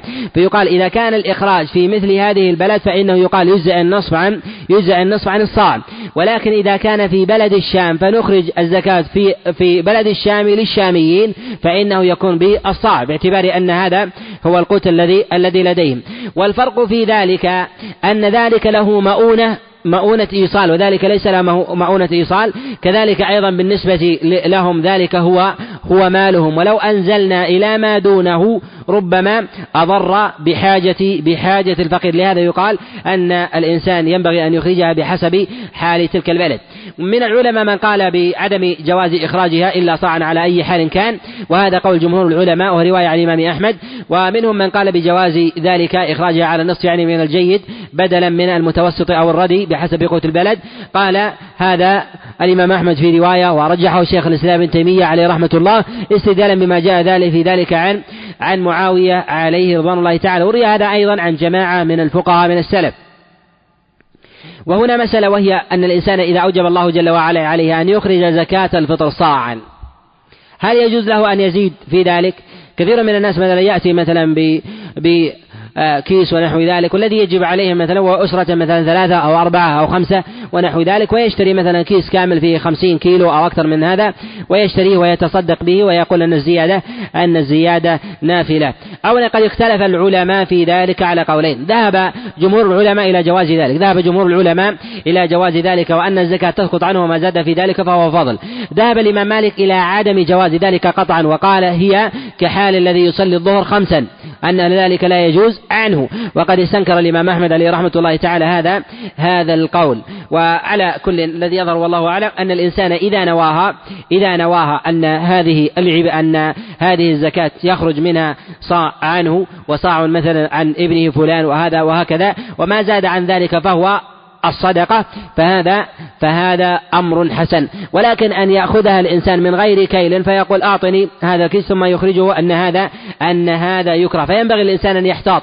في إخراج الزكاة أن يحتاط الإنسان في إخراج الزكاة بكيلها بصاع رسول الله صلى الله عليه وسلم. تتباين من جهة القوت من جهة الوزن. كثير من الناس يلتفت إلى إلى جانب الوزن. فيقول كم ميزان الصاع في زمن النبي عليه الصلاة والسلام؟ ضبط ذلك من الصعب لأن لأن الأطعمة تتباين. فحينما تأتي مثلا ب بالحبوب مثلا من الحنطة حينما تأتي بها وتأتي بصاع فحينما تطحن هذه الحنطة فتكون دقيقا وتضعها في الصاع مرة أخرى ينقص أم لا؟ فتحتاج حينئذ أن تملأ أن تملأ الصاع. حينئذ هل يكون ميزانها في السابق في ميزان الحنطة كميزان كميزان البر؟ يتباين. كذلك أيضا ميزان التمر يكون كميزان كميزان الحنطة يتباين. كذلك أيضا ميزان الأرز عن غيره يتباين. فمن كان حبه أو حبه طويلا أو عريضا أو كبيرا فإنه فإنه يكون في الأغلب أثقل من أثقل من غيره. وتارة يكون الأصغر أثقل أثقل من الكبير باعتبار أن ما بينها أقل باعتبار أن الصغير كحال الرمل يتلاصق بعضهما بعض فيسد الفرج التي بينه فيثقل ميزانه بخلاف بخلاف بعض أنواع أنواع الكبير. لهذا ينبغي الإنسان لا يعتمد على المكاييل وإنما يعتمد على طاعة النبي عليه الصلاة والسلام وهي من السنة التي هجرها كثير من كثير من الناس فينبغي أن يوضع الميزان آه، بصاع رسول الله صلى الله عليه وسلم ويكال به الطعام سواء كان من التمر أو كان من آه، من الأرز أو كان أيضا من الدقيق أو الحنطة أو غيرها. نعم. قال رحمه الله كتاب الصيام. قال المصنف عليه رحمة الله تعالى كتاب الصيام تقدم معنا الكلام على على كتاب ومعناه والصيام المراد به الإمساك في لغة العرب. ولهذا قال الله جل وعلا في كتابه العظيم إني نذرت للرحمن صوما يعني إمساكا لا أكلم لا أكلم أحدا. ولهذا يقول الشاعر العربي خيل صيام وخيل غير صائمة تحت العجاج. وأخرى تعلق اللجما والمراد بذلك أن الخيل منها ما تكون من تكون صائمة لا تصل ومنها ما تصل بحسب لقاء العدو ويشير بذلك إلى إمساكه عن الكلام. فالإنسان الذي أمسك عن الكلام يقال صائم وممسك وممسك عن ذلك. كذلك أيضا الذي أمسك عن الطعام يسمى يسمى صائما. نعم. قال رحمه الله عن أبي هريرة رضي الله تعالى عنه أنه قال قال رسول الله صلى الله عليه وسلم لا تقدموا رمضان بصوم يوم ولا يومين إلا رجل كان يصوم صوما فليصمه. في هذا نهي رسول الله صلى الله عليه وسلم عن تقديم رمضان بيوم أو يومين وتقديم رمضان بيوم أو يومين على سبيل الاحتياط من الأمور المحرمة على قول جماهير العلماء. وبعض العلماء قال قال بكراهته وأنه ليس من التحريم وذهب إلى هذا بعض الفقهاء من المالكية والشافعية. والصواب في ذلك والصواب في ذلك أنه أنه محرم. إلا لرجل قد اعتاد أن يتقدم رمضان. إلا لرجل قد اعتاد أن يتقدم رمضان بيوم بيوم أو إلا رجل اعتاد صياما فجاز أن يتقدم رمضان بحسب عادته. كان يصوم الرجل يصوم يوما ويفطر يوما أو يصوم مثلا ثلاثة أيام من آخر كل شهر لأنها مثلا فسحته من الوقت ونحو ذلك فلا حرج عليه أن يصوم تلك تلك الأيام. وذلك لأن الشارع قد جعل ثمة فيصلا بين عبادة النافلة وعبادة الفريضة. فإن الإنسان الذي يأتي بالعبادة ويريد بذلك الاحتياط وللفريضة شرائط وكذلك أيضا للنافلة شرائط فإنه كحال الذي يخلط بين هذه وهذه وشرائط تلك تختلف عن شرائط تلك فالله جل وعلا قد جعل للفريضة شرائط ومنها دخول الوقت فإذا أدى الإنسان العبادة على سبيل الظن في دخول الوقت فإن هذا لا يتحقق فيه الامتثال بخلاف بخلاف النافلة. بخلاف النافلة فإن الزمن في ذلك مفتوح ومن النوافل ما الزمن فيه مقيد. كحال مثلا صيام الاثنين وصيام الخميس وكذلك صيام أيام البيض وكذلك أيضا في صيام بعض الأيام كصيام عاشوراء وكذلك عرفة وشهر الله المحرم وكذلك صيام شعبان. صيام شعبان من الأمور المستحبة للإنسان أن يصومها ولو كان كذلك على سبيل السرد فإن هذا مما يستحب. لأن النبي عليه الصلاة والسلام كان يكثر من صيام صيام شعبان. و هل يدخل في هذا الرجل الذي مثلا كان عليه صيام من رمضان السابق ولكنه لم يقضي إلا وقد قرب منه صيام رمضان؟ يقال أنه معذور في ذلك. وتأخير الإنسان صيام الشهر الماضي شهر رمضان الماضي للعام الذي يليه حتى يخرج رمضان. في ذلك مخالف للسنة مخالف لسنة رسول الله صلى الله عليه وسلم. مخالف لسنة رسول الله صلى الله عليه وسلم باعتبار أن العلماء قد اتفقوا وهذا عليه ظاهر النصوص أنه ينبغي للإنسان أن يبادر بإبراء ذمته. والله جل وعلا قد أمر بالمسارعة وسارعوا وسابقوا وفي ذلك فليتنافس المتنافسون. فينبغي للإنسان أن يبادر بقضاء ما كان عليه. ولهذا رسول الله صلى الله عليه وسلم آمر باغتنام آه، صحة الإنسان وفراغه قبل أن يأتيه من الشغل وكذلك أيضا من المرض ما يحبسه عن الامتثال. وهذا هو هدي رسول الله صلى الله عليه وسلم. ويعذر الإنسان إذا كان ثمة حاجة. في ذلك كالرجل مثلا الذي يقوم بمصالح المسلمين ويقوم مثلا على الفقراء والمساكين أو لديه مثلا وظيفة آه، تكلفه مثلا من العمل بالسهر على على أمن الناس وكذلك أيضا بمتابعة أهل الجرم الفواحش وكذلك المخدرات والمسكرات وغير ذلك. وأنه يصعب عليه مثلا أن أن يقضي صيام رمضان لأن دوامه مثلا أو عمله يكون في النهار أو نحو ذلك ويشق عليه هذا لا حرج عليه أن يؤخر. ولكن إذا أخر ذلك حتى انقضى رمضان الثاني ما حكم ذلك؟ اختلف العلماء في هذه المسألة على قولين. ذهب جمهور العلماء إلى أن من أخر صيام رمضان قضاء رمضان الماضي حتى دخل الذي يليه فإنه يجب عليه أن يقضي ويطعم عن كل يوم مسكين وكل وذلك يكون على سبيل على على آه، سبيل الكفارة بنصف صاع. كما جاء هذا عن عبد الله بن عباس ومجاهد بن جبر وغيرهما. وكذلك أيضا روي عن بعض الفقهاء من الصحابة كأنس بن مالك عليه رضوان الله تعالى. وثمة قول آخر. على أن الإنسان إذا قضى إذا قضى صيام رمضان الماضي بعد الذي يليه يقال أنه قد خالف السنة وفعله ذلك مكروه إلا أنه لا يجب عليه أن يطعم. ذهب إلى هذا عبد الله بن مسعود ثبت عنه بإسناد صحيح وهو وهو الصواب أنه لا يجب عليه في ذلك قضاء وقد خالف السنة في ذلك. وذلك أنه لا أعلم دليلا ظاهرا من كلام الله جل وعلا وكلام رسول الله صلى الله عليه وسلم في إيجاب القضاء على من أخر القضاء عن رمضان عن رمضان الآتي. وإنما هو قول لبعض الفقهاء من الصحابة خالفهم غيرهم كعبد الله بن مسعود عليه رضوان الله تعالى ومن أجل من أجل أهل الفقه والدراية من أصحاب رسول الله صلى الله عليه وسلم. وعائشة عليه رضوان الله تعالى كانت تؤخر صيام رمضان إلى إلى شعبان لمنزلة رسول الله صلى الله عليه وسلم. ومعلوم أن النبي عليه الصلاة والسلام يعني له من البعد عن عائشة مما يلزم شرعا من من آه، المبيت عند غيرها. كذلك سفر النبي عليه الصلاة والسلام ما يخلو عام من أعوامه من غزوة وسفرة ونحو ذلك. مما ربما تجد عائشة آه، موضعا للصيام. إلا أنها لحاجة رسول الله صلى الله عليه وسلم فإن أغلب ما تكون مع النبي عليه الصلاة والسلام في أسفاره. كذلك فربما طاف النبي عليه الصلاة والسلام على نسائه في اليوم الواحد. وذلك صونا لحق رسول الله صلى الله عليه وسلم. أخرت القضاء إلى شعبان. وأما الصيام بعد نصف شعبان فهذا قد جاء النهي في ذلك عن رسول الله صلى الله عليه وسلم كما جاء في المسند والسنن من حديث العلاء بن عبد الرحمن عن أبي عن أبي هريرة أن رسول الله صلى الله عليه وسلم قال إذا انتصف شعبان فلا تصوموا وهذا الخبر خبر منكر. قد لعله في ذلك غير واحد من الأئمة كسفيان الثوري وكذلك الإمام أحمد ف وكذلك الإمام النسائي فإنهم وكذلك الدار أيضا فإنهم قد أنكروا هذا الخبر. ويعارضه في ذلك إكثار النبي عليه الصلاة والسلام من الصيام كذلك أيضا صيام الاثنين والخميس صيام يوم واثنين يوم وإفطار يوم فإن النبي عليه الصلاة والسلام لم يستثني من ذلك من ذلك شيء. قال رحمه الله وعن عبد الله بن عمر رضي الله تعالى عنهما أنه قال سمعت رسول الله صلى الله عليه وسلم يقول إذا رأيتموه فصوموا وإذا رأيتموه فافطروا فإن غم عليكم فاقدروا له. في قول رسول الله صلى الله عليه وسلم إذا رأيتموه فصوموا وإذا رأيتموه فأفطروا. في هذا إحالة إلى مواقيت رمضان دخولا وصراما بالهلال. فإن توقيت الأشهر بالهلال هذا هو السنة وهو هدي رسول الله صلى الله عليه وسلم. وكان العرب على ذلك في الخمسين سنة قبل الإسلام كانوا يوقتون بالسنوات يوقتون السنوات والأشهر بالقمر.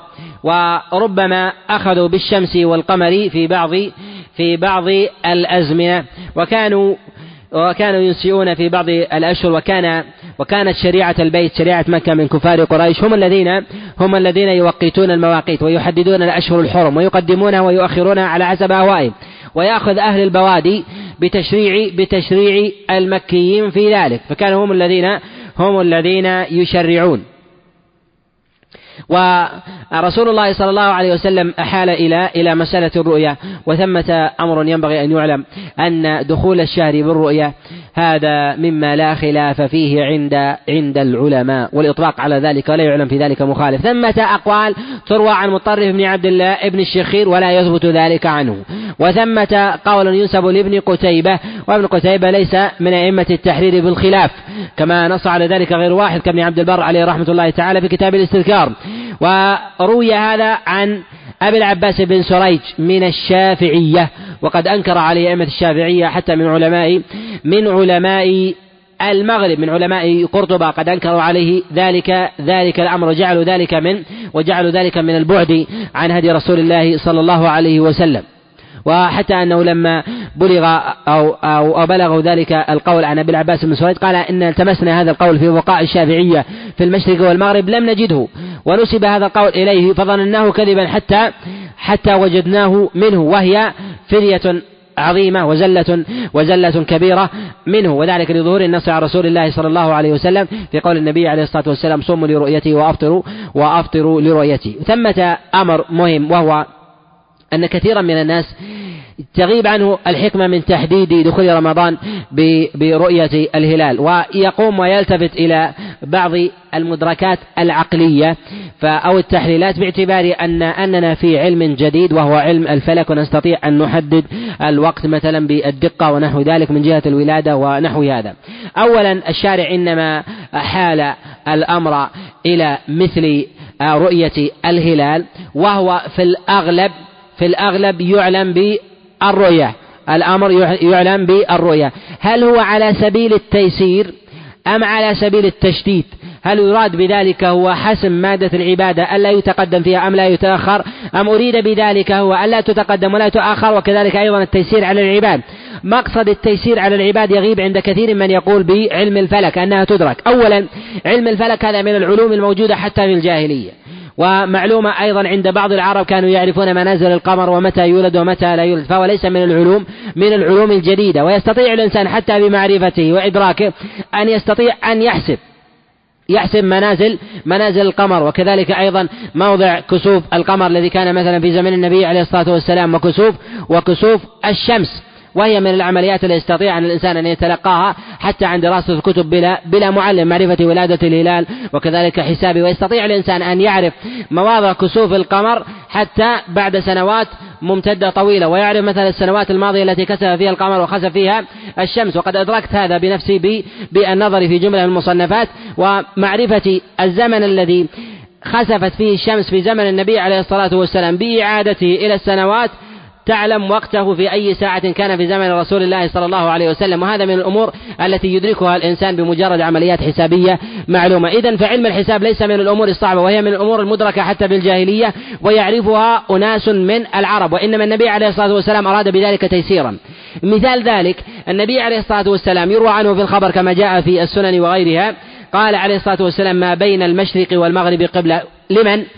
لمن كان في المدينة حينما جعل النبي عليه الصلاة والسلام المشرق وجعل النبي عليه الصلاة والسلام المغرب وجعل ما بينهما قبلة مع أن التحديد معلوم. والعلماء يقولون أن منبر رسول الله صلى الله عليه وسلم في تحديد القبلة قطعي. وأنه لا يمكن لا يمكن لأحد أن يأتي مثلا بشيء من الأمور الحسابية من البوصلة ونحو ذلك ويقول أن النبي عليه الصلاة والسلام كان يصلي منحرفا يسيرا نميل المحراب. هذا من أعظم الباطل باتفاق العلماء باعتبار أن عمل النبي عليه الصلاة والسلام وحي قاطع. مع ذلك النبي عليه الصلاة والسلام كان يصلي هذه الصلاة ويقول ماذا؟ ما بين المشرق والمغرب والمغرب قبلة لأن المقصود من ذلك التيسير هو أن الإنسان لا يتجه إلى أي جهة يختار فجعل في ذلك أمرا ميسورا بإدراك موضع العبادة. ولهذا ذهب غير واحد من العلماء كالإمام أحمد عليه رحمة الله تعالى وغيره إلى أن الإنسان الذي يهتدي بتحديد القبلة بالنجم أن ذلك مما ينكر مما ينكر عليه. لماذا؟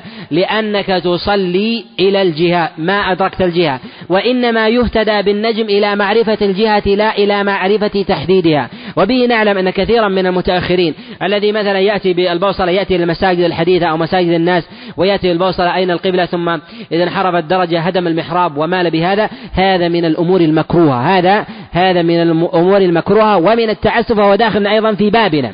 داخل في بابنا لأن الشارع جعل هذه الأمور من الأمور من الأمور الميسورة. والله جل وعلا قد يسر هذا الأمر فينبغي للناس أن يأخذوا هذا المعنى من باب التيسير لا من باب لا من باب الدقة والضبط المجرد. بعض الناس يغلب عليه الاحتياط والورع في أبواب العبادة فيقولون مثلا أننا نحتاط في أمر العبادة ونحسم هذا الأمر ويغيب عنه التيسير في الناس.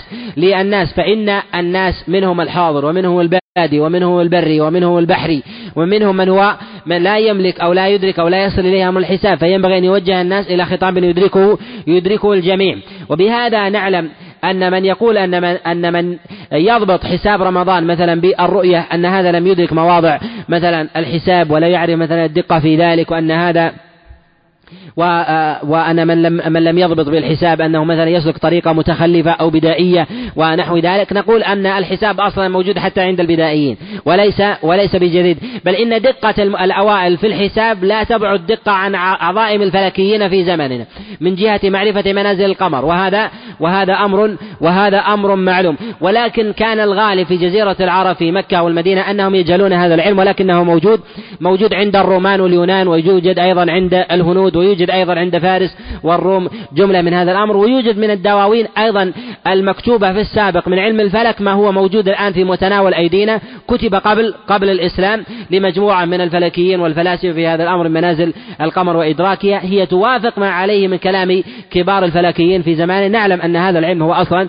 ليس بجديد وهو من الأمور المعلومة التي يعرفها الإنسان الإنسان بالصبر. لكن كثير من الناس يتعلق بكثير من المكتشفات العصرية ويظن أن هذا أن هذا من الأمور الجديدة ينبغي لعقدة النقص مثل النظر إلى أهل الفلك من الغرب ونحو ذلك وعلومهم وكذلك دقة كثير من الناس معرفة كثير من الحسابات من الحوادث من الكسوف والخسوف ونحو ذلك. وهذا من العجائب أن كثيرا من الناس يدرك بفطرته كثير من المعلومات ويميل إلى ويميل إلى مدركات غيره. فتجد مثلا من يقول أن الأرض أن الأرض كروية وأن هذا أول من اكتشفها فلان. المسلمون يجمعون ويحكون الإجماع على أن الأرض كروية ومن لم يقل بكرويتها فهو سفيه. فبعد إدراكها من جهة الكروية بعد من أثبتها وقد حكى الإجماع على ذلك أبو الفرج بن الجوزي في عدة مواضع وحكى الإجماع على هذا شيخ الإسلام ابن تيمية ونحو ذلك. لسنا بحاجة إلى انتظار أن أن فلان يرتحل بالسفينة حتى يخرج من الجهة الأخرى من الأرض ونحو ذلك ثم يسجلها التاريخ وتدرس في كتبنا على أن هذا أول من اكتشف أن الأرض أن الأرض كروية ومن ينصب أعمدة ثم ينصب عمودا ثم ينصب عمودا فيرى الأوسط وأبعد من ذلك. ما يدل على أن الأرض مقوسة ونحو ذلك ونصوص الشريعة ناطقة ناطقة بذلك. هذا هذا من البعد ومن البعد والجهل. رسول الله صلى الله عليه وسلم أمرنا بأن نرجع إلى في حساب العبادات إلى نوع من المدركات وهو أمر أمر الرؤيا. وأمر الرؤيا منوط حتى في الصلوات الخمس لا إلى أمر الحساب. والعجب ممن يحدد رمضان بالحساب ولا يحدد الصلوات الخمس بالحساب. ومعلوم أن الشمس التي نراها ليست هي الشمس الحقيقية وإنما هو انعكاسها في الغلاف الجوي. وهذا معلوم حتى عند الفلكيين يجمعون على هذا. فعلى هذا أن الشمس مثلا التي نراها مثلا قد غربت هي ليست الشمس الحقيقية وإنما الشمس الحقيقية باقية. هل نقول أنه يسوغ الإنسان أن يصلي بذلك؟ لا نقول بهذا. أين عملية الحساب في ذلك؟ لأنها تتصادم مع الحس. ولكن لما كان رؤية الهلال لا يتصادم مع الحس ومن جهة الإدراك يروج عند كثير من الناس. كذلك أيضا بالنسبة لطلوع الفجر هل نعيد ذلك إلى القرص الذي نراه انعكاسا أو نعيده إلى الكوكب الحقيقي الذي يعرفه أهل الحساب؟ أهل الحساب بمعرفة منازل الشمس والقمر لا يحيلون ذلك إلى الصورة المرئية وإنما يحيلونه إلى أصل إلى أصل الكوكب. ومن قال بمعرفة الحساب ومن قال بمعرفة الحساب أنه يعتد بها في دخول رمضان فعليه أن يعتد بها على سبيل الاحتياط في الصلوات الخمس. نقول هذا هو أوجب وأضبط للدين. والصلوات الخمس هي الركن الثاني من أركان الإسلام. وهل يقال بذلك بدخول صلاة الفجر وصلاة وصلاة المغرب؟ وكذلك أيضا صلاة الظهر باعتبار أن الدقة في ذلك فيها قوية على هذا. لو أخذنا بهذا واضطردنا واضطردنا فيه فالنبي عليه الصلاة والسلام أحال الأمر إلى رؤية الشمس في حال غروبها كذلك إلى طلوعها. أنها تنتهي إذا طلعت الشمس انتهت صلاة الفجر. هل نقول بذلك أن نحيل هذا إلى إلى كلام الفلكيين أم لا؟ نقول لا وهذا ليس بخسا لأهل الفلك والحساب نقول هو علم آه، يستأنس به ويؤخذ ويؤخذ به بعض الفقهاء من المتأخرين يقول أننا نقول به بالنفي ولا نقول ولا نقول به في في الإثبات. نقول به في النفي ولا نقول به في الإثبات. وصواب في ذلك أنه لا يقال به لا في النفي ولا ولا في الإثبات وإنما يؤخذ بالرؤية. إلا في حال ضيقة ممكن أن يقال بذلك إذا كان مثلا على البلد الإسلامي مثلا سحب ويوجد مثلا ضباب لا يمكن أن أن يرى ونحو ذلك. يؤخذ يؤخذ بأبواب النفي ويكمل شعبان ثلاثين يوما فيكون الإثبات على هدي رسول الله صلى الله عليه وسلم في ذلك. النبي عليه الصلاة والسلام أحال إلى الرؤيا والرؤيا في ذلك لا بد فيها لا بد فيها من اثنين. لا بد فيها من اثنين أو إكمال شعبان ثلاثين ثلاثين يوما. ومن العلماء من قال أنه يجوز صيام يوم الشك وهو صيام يوم الثلاثين إذا حال دون الشمس غيم أو قتر أولا صيام يوم الشك اختلف العلماء في تقييده وضبطه هو على على حالين. الحالة الأولى أن يكون يوم الثلاثين. يوم الثلاثين ولم يرى الهلال ولو كانت السماء صحو. الحالة الثانية إذا كان ثمة غيم ثمة غيم وحال بيننا وبين رؤية الهلال هذا الغيم والقتر. هل يقال حينئذ بأن صيام يوم الشك في الحالين ممنوع؟ نقول في الحالة الأولى إذا كانت السماء صح وممنوع عند جماهير العلماء وعامتهم وهو قول الأئمة قول الأئمة الأربعة على الصحيح في قول الإمام أحمد عليه رحمة الله. وأما إذا كان قد حال بين رؤية الهلال غيم أو قتر في يوم الثلاثين ذهب الإمام أحمد إلى صيامه وثمة رواية ضعيفة بوجوبه وهذا القول له حظ من النظر وقد عمل به جماعة من الصحابة. ثبت العمل به عن عائشة عليه رضي الله تعالى وأسماء وأبي هريرة ومعاوية وعبد الله ابن عمرو. وغيره من أصحاب رسول الله صلى الله عليه وسلم أنهم ثبت عنهم أنهم صاموا ذلك. وروي هذا عن أبي موسى الأشعري عليه رضي الله تعالى وبه احتج الإمام أحمد عليه عليه رحمة الله وصنف في هذا بعض الأئمة من فقهاء الحنابلة كابن الجوزي له رسالة في ذلك سماها كشف اللوم والضيم في حكم صوم يوم الغيب. ففرق في يوم الشك بين إذا كانت السماء صحو وبين إذا كان ثمة غيم أو قتر ومنهم من لا يسمي آه، يوم الشك بالشك إلا إذا كان ثمة غيم وقتر وقال إذا لم يكن ثمة غيم وقتر فلا يسمى أصلا يوم الشك. وصيام يوم الشك عمدا من غير آه، على من غير تفصيل مما تقدم الكلام عليه فإنه آثم إذا كانت السماء صحو ولم يرى الهلال. الصواب في ذلك أنه آثم. للخبر الذي جاء في الصحيح أن من صام اليوم الذي يشك فيه فقد عصى أبا القاسم. لهذا ينبغي للإنسان أن يحتاط لدينه في مثل هذا الأمر وأن يعتمد على ما اعتمد إليه عليه رسول الله صلى الله عليه صلى الله عليه وسلم. قال رحمه الله وعن أنس بن مالك رضي الله تعالى عنه أنه قال قال رسول الله صلى الله عليه وسلم وكثير من الناس يتكلمون على قضايا امثال هذه القضايا سواء في الصحف أو في وسائل الإعلام. منهم من يحسن الظن بهم في مثل هذا وهم كثير في مسألة العمل بالحساب. وثمة طوائف هم أنا أصحاب بلبلة ونحو ذلك ويذكرون الحساب وفي كل سنة ويتكلمون على ذلك وأنه ينبغي الاحتياط لديننا ونحو ذلك بينما أنه يشكل هو يصوم رمضان أصلا أو لا يصوم. فهو إنما يريد البلبلة على البلبلة على المسلمين. وإثارة أمثال أمثال هذه هذه القضايا. لهذا ينبغي للعاقل وكذلك أيضا آه، العالم أن يأخذ مواضع الخلاف التي مثلا يريدها مثلا أو يطرحها الناس أن ينظر إلى الطارح ما مقامه من مواضع الإجماع. إذا كان هذا الرجل من يقر بالإجماع ويحترمها ويقيم لها وزنا فإن هذا يؤخذ كلامه على مسألة الاجتهاد ويلام معه بالقول وبين له الحق باللين والحكمة. أما إذا كان الرجل هو أصلا على سبيل المثال يأتي رجل مثلا لا يصلي ولا يشهد له بالصلاة يأتي يناقشنا بمسائل رؤية الهلال والحساب وأن هذا هو الاحتياط لديننا وعبادتنا وسنتنا وإن جاء بالكلام مثلا الذي يدل على ورع وديانة ونحو ذلك نقول أن أن ثمة شيء من دين الله عز وجل يجب عليك أن تأتي به قبل أن تخوض في أمثال في أمثال هذه المسائل. قال رحمه الله عن أنس بن مالك رضي الله تعالى عنه أنه قال قال رسول الله صلى الله عليه وسلم تسحروا فإن في السحور بركة في قول رسول الله صلى الله عليه وسلم تسحروا فإن في السحور بركة أولا ينبغي أن يعلم أن الصيام هو الإمساك عن سائر المفطرات من أكل أو شرب أو جماع من طلوع الفجر إلى إلى غروب إلى غروب الشمس. وأن ما كان من الليل فإنه يجوز للإنسان أن يطعم أن يطعم فيه. وأن الوصال في ذلك خلاف السنة. ومن العلماء من رخص بالوصال في وصال يوم أو يومين ومنهم من منع منه على الإطلاق ومنهم من منع منه بقيد اليوم بقيد اليوم واليومين. وهذا مروي عن الإمام أحمد عليه رحمة الله. وقد واصل جماعة من السلف في هذا. قد روي الوصال عن عروة بن الزبير و وسعيد وغيرهما. والوصال في يوم ويومين يقال أن أنه لا بأس بذلك إذا إذا وجد الإنسان فيه جائز إلا أن السنة في ذلك أن أن يعجل الفطر. فالنبي عليه الصلاة والسلام حتى على تعجيل على تعجيل الفطر. فقال ما تزال أمتي بخير ما عجلوا الفطر. ويستحب للإنسان للإنسان أن يتسحر ويتأكد في حقه. وأكلة السحر آكد من أكلة آكد من أكلة الفطر. وذلك أن أكلة السحر تعين الإنسان على قوة على قوة في صيامه. وأكلة الفطر فإنها فإنه يستقبل فيها فطرا لا يستقبل فيها صياما. فإن ما يعين الإنسان للعبادة في الصيام هو السحور. أم الفطور؟ اللي يعينه هو هو السحور. فإنه يستقبل فيه يستقبل فيه صيام وبه نعلم أن ما جاء رسول الله صلى الله عليه وسلم من تفضيل من تفضيل الفطر إنما هو مخصوص بالتعجيل إنما هو مخصوص بالتعجيل. وما جاء من فضل الفطر بالإطعام في ما جاء رسول الله صلى الله عليه وسلم من فطر صائما فله أجره فيقال أن هذا الخبر أن هذا الخبر ضعيف. لأن لأنه منقطع ويروي عطاء عن زيد بن خالد وإسناده إسناده منقطع وقد جاء من وجه آخر أيضا وفيه وفي ضعف من حديث سلمان الفارسي عليه رضوان الله تعالى وفي إسناد علي بن زيد بن جدعان يروي عن سعيد عن سلمان الفارسي عليه رضوان الله تعالى وقد رواه ابن خزيمة وكذلك غيره ولا ولا يصح.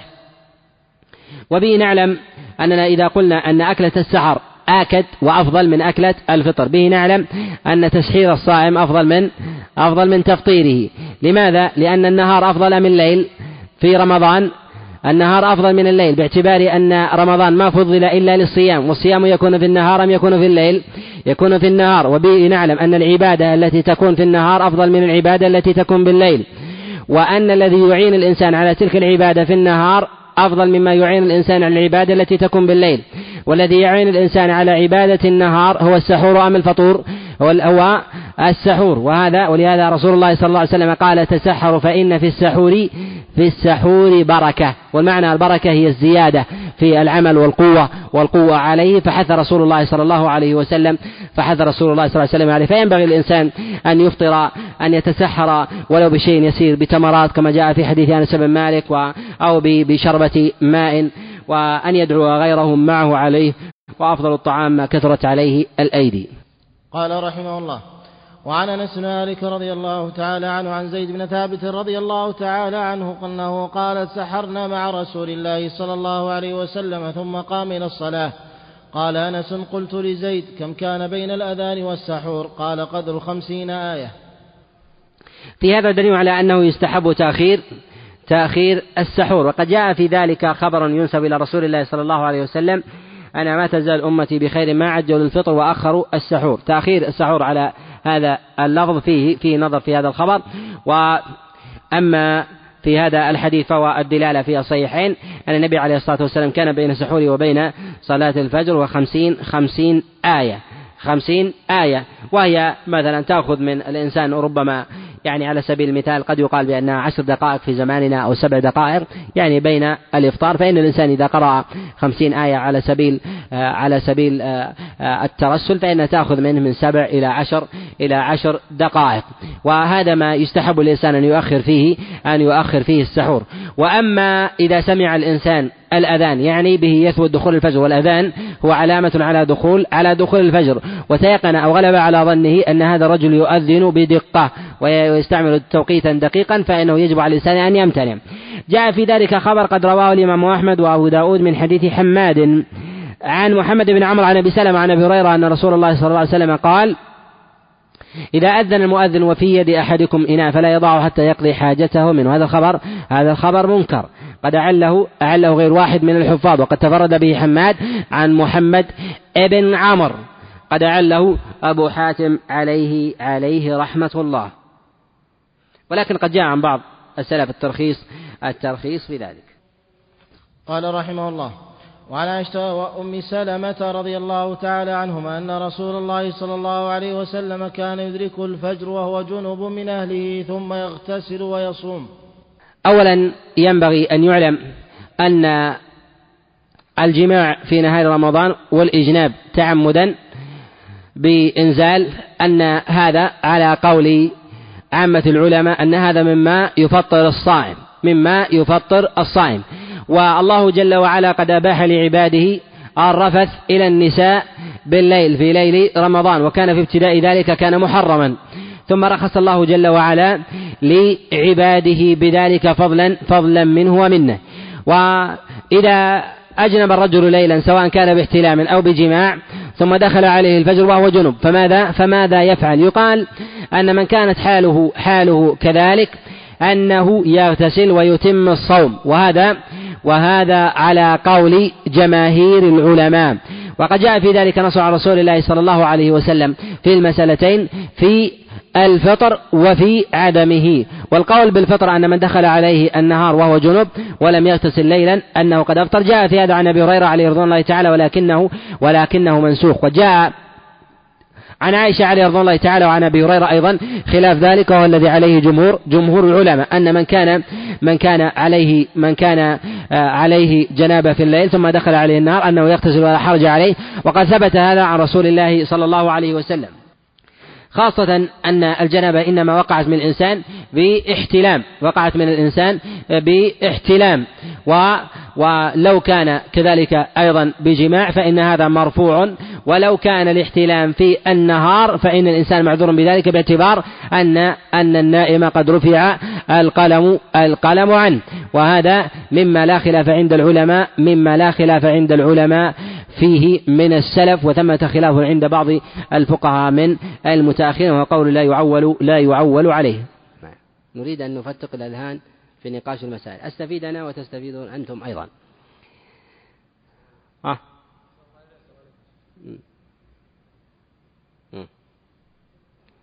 جيد. يقول تذكير من باب الأمر بالمعروف والنهي عن المنكر. النبي عليه الصلاة والسلام يقول أطعمه الله وسقاه. هذا منكر؟ شيء وصف بأنه أطعمه الله وسقاه. منكر؟ إحنا نتكلم في حال النسيان. ها؟ طيب إذا نأمر بالمعروف والنهي عن المنكر ها نعم. قولان. ها صواب. الله أعلم. نعم أحسنت. الله أعلم.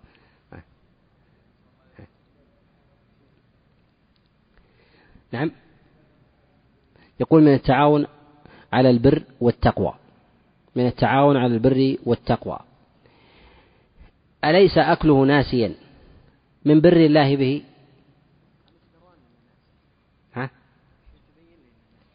شخص رجل صالح ورع شرب في نهار رمضان. هل هو الرجل يشرب متعمد؟ بخلاف رجل صاحب التهمة.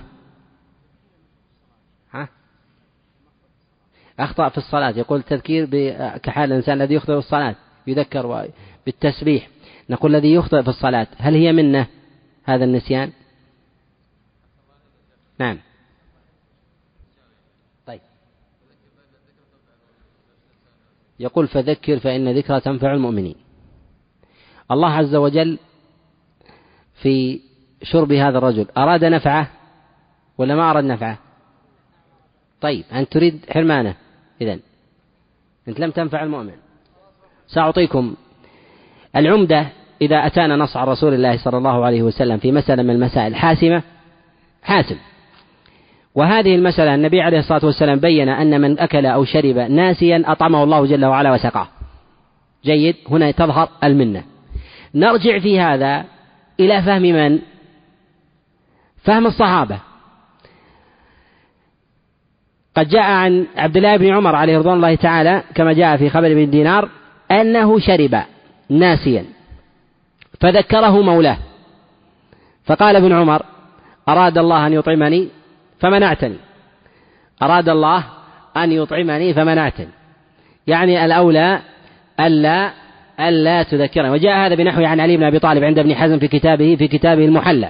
لهذا نقول أن من رأى ناسيا يأكل أو يشرب ماذا يصنع؟ يصد عنه. لأن الله جل وعلا أطعمه أطعمه وسقاه. والحجة في ذلك قول من؟ قال عبد الله بن عمر عليه رضي الله تعالى ولا أعلم له مخالفا. لا أعلم له له مخالفا. هنا مسألة قد يلزمنا شخص مثلا يقول الجماع في نهار رمضان إذا جاءت المرأة مثلا معذورة وأراد زوجها أن يجامعها وهو ناسي. هل أطعمه الله وسقاه؟ هل يمكن هذا؟ نقول الأمر جاء بالنص في الأكل في الأكل والشرب جاء الأمر بالأكل بالأكل والشرب نعم يقول هنا أشبه المتعمد ولا يعلم ما في القلوب إلا الله طيب نحن آه، مأمورون بالأخذ بالأحكام الكبيرة جدا بغلبة الظن أو باليقين حينما أرى رجل صالح من أهل الديانة والعلم والفضل أخذ الماء في نهار رمضان ثم شرب.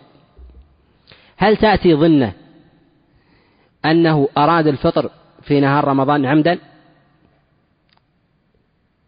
لا يمكن. لا يمكن. نعم. في كل حال إن كان من أهل الأعذار الأمر سعة وإن لم يكن من الأعذار فهو من أهل النسيان قطعا. لأن هذا ركن من أركان الإسلام. وهذا من أهل السنن والصلاح والديانة والعبادة لا يمكن أن يفعل هذا. يخرج من هذا أهل الظنة يعني الذين يظن بهم السوء.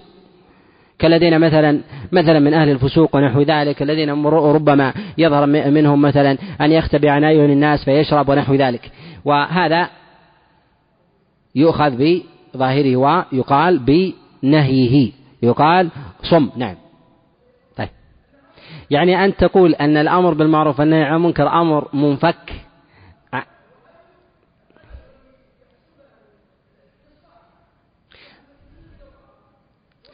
طيب الأمر بالمعروف والنهي عن المنكر هو إنكار لمنكر قد وقع فيه الغير. شرب الإنسان في نهار رمضان ناسيا منكر أو غير منكر؟ أنا أتكلم ناسي. احكم عليه أنت. منكر أو غير منكر صنفه شرعا. شرب الناسي في نهار رمضان. الناسي انتبه منكر أو غير منكر. لا يمكن أن تقول أنه منكر. ها؟ نرجع إلى الموضوع. ذكرنا أن مسألة الرجل لا تدري هو ناسي وغير ناسي أن هذا يرجع فيه إلى يرجع فيه إلى غلبة الظن في حال الإنسان. في حال الإنسان. على سبيل المثال أنت أعلم الناس بزوجك أنت. وأعلم الناس بأبيك أنت وتعلم أنه صاحب ديانة واستقامة وصلاح. وهل يخطر في باله أنه يفطر متعمدا أم لا؟ أنت من أعلم الناس بأهل بيتك ورأيته يتناول. تستطيع أن تحكم عليه لأنك أقرب الناس إليه. هذا الفعل منه هل هو منكر؟ نعم. لا تحكم لعقلك. لا تحكم عقلك حكم النص. الله عز النبي عليه الصلاة والسلام يقول أطعمه الله وسقاه. يعني الله أسقاه المنكر. على سبيل المثال أريد أن أقول لك شيء الآن. خليك معي. شخص نسي وشرب الخمر. أطعمه الله وسقاه؟ لا. ننكر عليه ولا ما ننكر؟ انتبه. هذا أمر محرم. لأن الشارع ما يمكن أن يصف شرب الخمر بأنه أطعمه الله وسقاه. ولكن الأكل والشرب في نهار رمضان دل الدليل على أنه منة. الدليل على ذلك أن النبي عليه الصلاة والسلام لما سئل عن الوصال قال إني لست كهيئتكم. إن معي ربي ماذا؟ يطعمني ويسقين فجعلها مرتبة من مراتب خصائص النبوة. واضح؟ فهذه المنة كيف تجعلها من المنكر؟ ثم آتيك بعبد الله بن عمر عليه رضوان الله تعالى الصحابي الجليل ممن يقتدي بسنة النبي عليه الصلاة والسلام وليس له مخالف. وليس له مخالف. فقد أنكر على مولاه أن ذكره فقال أراد الله أن يسقيني فمنعتني. ثم يستدل بنصوص عامة لو لم يكن في الحق لم يكن ثمة أثر في هذا عن عبد الله بن عمر وإسناده صحيح لا يمكن أن يقال أو أقول بأن الإنسان ينبه ينبه غيره. لكن يقال أن هذه منة ورزق للإنسان من الله جل وعلا عليه فاتركه وشأنه وربه يعلم حاله. واضح؟ قال رحمه الله وعن أبي هريرة رضي الله تعالى عنه أنه قال بينما نحن جلوس عند النبي صلى الله وأما ما يطرأ من الإنسان على سبيل النسيان من آه، من مفطرات الصيام عند عامة العلماء كمسألة الجماع فهل هذا يعذر بنسيانه إذا جامع الرجل زوجه ناسيا؟ فهل يقال حينئذ بأنه معذور أم لا؟ أولا قد اختلف العلماء في هذه المسألة في الناس في حال الجماع ذهب جماعة من العلماء وهو قول الجمهور إلى أنه إلى أنه لا يعذر. وظاهر نصوص السلف في هذا أنه معذور لعموم النص في العذر. وهذا قول مروي عن الإمام أحمد وقال به شيخ الإسلام ابن تيمية عليه رحمة الله. إلى أن المجامع ناسيا أنه أنه معذور كحال الآكل كحال الآكل والشارب. كحال الآكل والشارب. ولكن قد يقال بخروجه عن مسألة التذكير في الأكل والشرب باعتبار أن ذلك قد دل الدليل على كونه منه وهذا لم يدل الدليل على كونه منه. وأما ما كان من مقدمات من مقدمات الجماع إذا لم يكن ثمة إنزال كحال التقبيل وكذلك أيضا المباشرة من غير إنزال فهذا السلف على جوازه عامتهم. ذهب إلى هذا عبد الله بن عباس وكذلك عائشة عليه رضوان الله تعالى وأبي موسى الأشعري وروي عن ابن مسعود وبعض السلف قد منع منه على سبيل الاحتياط. وقد جاء المنع عن عبد الله بن عمر عليه رضوان الله تعالى وجاء أيضا وجاء أيضا الجواز في ذلك. وقد كان النبي عليه الصلاة والسلام يقبل عائشة عليه رضوان الله تعالى وهو وهو صائم. وهذا يدل على على جواز جواز ذلك وأنه لا حرج لا حرج فيه. قال رحمه الله وعن أبي هريرة رضي الله تعالى عنه أنه قال بينما نحن جلوس عند النبي صلى الله عليه وسلم إذ جاءه رجل فقال يا رسول الله هلكت؟ قال ما لك؟ قال وقعت على امرأتي وأنا صائم وفي رواية أصبت أهلي في رمضان. فقال رسول الله صلى الله عليه وسلم هل تجد رقبة تعتقها؟ قال لا. قال فهل تستطيع أن تصوم شهرين متتابعين؟ قال لا. قال فهل تجد إطعام ستين مسكينا قال لا قال فمكث النبي صلى الله عليه وسلم فبينا نحن على ذلك أتي النبي صلى الله عليه وسلم بعرق فيه تمر والعرق المكتل قال أين السائل قال أنا قال خذ هذا فتصدق به فقال الرجل على أفقر مني يا رسول الله والله ما, بي ما بين لابتيها يريد الحرتين أهل بيت أفقر من أهل بيتي فضحك النبي صلى الله عليه وسلم حتى بدت أنيابه ثم قال أطعم أهلك الحرة أرض تركبها حجارة سود. في هذا الخبر الحديث على مسألة من المسائل المهمة وهي مسألة الجماع في نهار رمضان. والجماع في نهار رمضان هو من كبائر الذنوب من كبائر الذنوب لأن إذا كان عمدا طبعا وذلك لأن الجماع في نهار رمضان مما يفسد الصيام على قول الأئمة الأربعة في هذه المسألة. وكذلك أيضا فإن القاعدة عند العلماء أن ما ترتب عليه كفارة كفارة مغلظة أن ذلك من الكبائر. كحال قتل النفس ونحوها وقد سواها الله جل وعلا في آه، ذلك وقد ساوى النبي صلى الله عليه وسلم في ظاهر حكم الله جل وعلا في من قتل نفسا وكذلك أيضا ما ظاهر من أزواجه. ما ينبغي الإنسان أن يعظم حدود الله جل وعلا وشعائره. كذلك أيضا فإنما أفسد الأمر الواجب المتحتم على سبيل التأكيد كأركان الإسلام فإنه يكون من الكبائر باعتبار باعتبار أن الصيام والصلاة وكذلك الحج من أركان الإسلام. فما فما أفسدها من الأفعال والأقوال فإنه من الكبائر لأنه لا يفسد الركن العظيم من دعائم الإسلام إلا إلا الكبيرة. وهذا وهذا أمر لا خلاف عند العلماء عند العلماء فيه إذا كان ذلك على سبيل التعمد. والجماع في نهار رمضان هل يبطل صوم ذلك اليوم باعتبار أن الإنسان بجماعه لزوجه قد أفسد ذلك اليوم. أولا بالنسبة للكفارة هذا أمر أمر خارج عن مسألة قضاء ذلك اليوم. ومن العلماء من يجعل قضاء ذلك اليوم منفك منفك عن عن مسألة عن مسألة من مسألة الكفارة. ومنهم من يجعل قضاء ذلك اليوم هو لازم لازم لمسألة الكفارة. فإذا أوجب الشارع على الإنسان الكفارة إلا لأن الإنسان قد أبطل أبطل صيامه. وإلا لو لم يكن إبطالا للصيام فإنه فإنه لا يجب عليه لا تجب عليه الكفارة. ولكن يقال أن في ذلك نظر باعتبار أن الإنسان لو أنه شرب في لو, لو, لو أنه شرب في نهار رمضان متعمدا هل يقال أنه يكفر ككفارة الجماع؟ إذا مسألة التعمد وإبطال صيام ذلك اليوم لا علاقة له بالفطر في ذلك اليوم. ذهب الأئمة الأربعة إلى أنه يجب عليه مع الكفارة أن يقضي ذلك اليوم.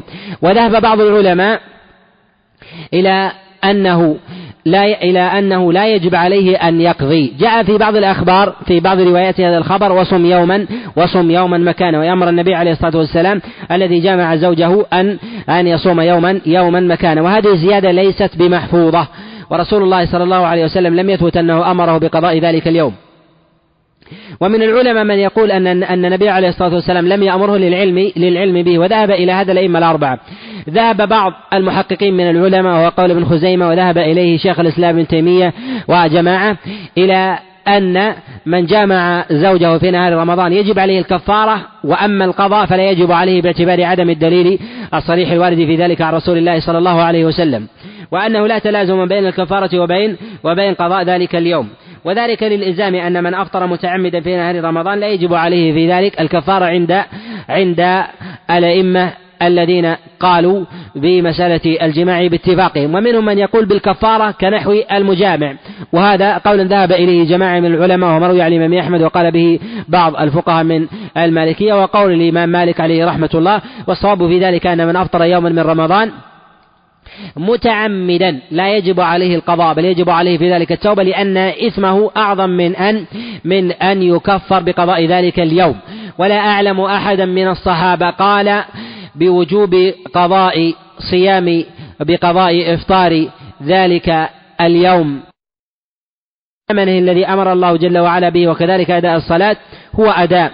وإعادته في غير وقته إذا ورد عليه مفسد هو من الإعادة التي تفتقر إلى دليل والدليل قد حدها بأنواع وكذلك أيضا الإتيان بها من غير مسوق فإن هذا يفتقر إلى يفتقر, يفتقر أيضا إلى دليل ولا دليل في ذلك عن رسول الله صلى الله عليه وسلم والعبادة هي أداء وقضاء وتكرار وإعادة.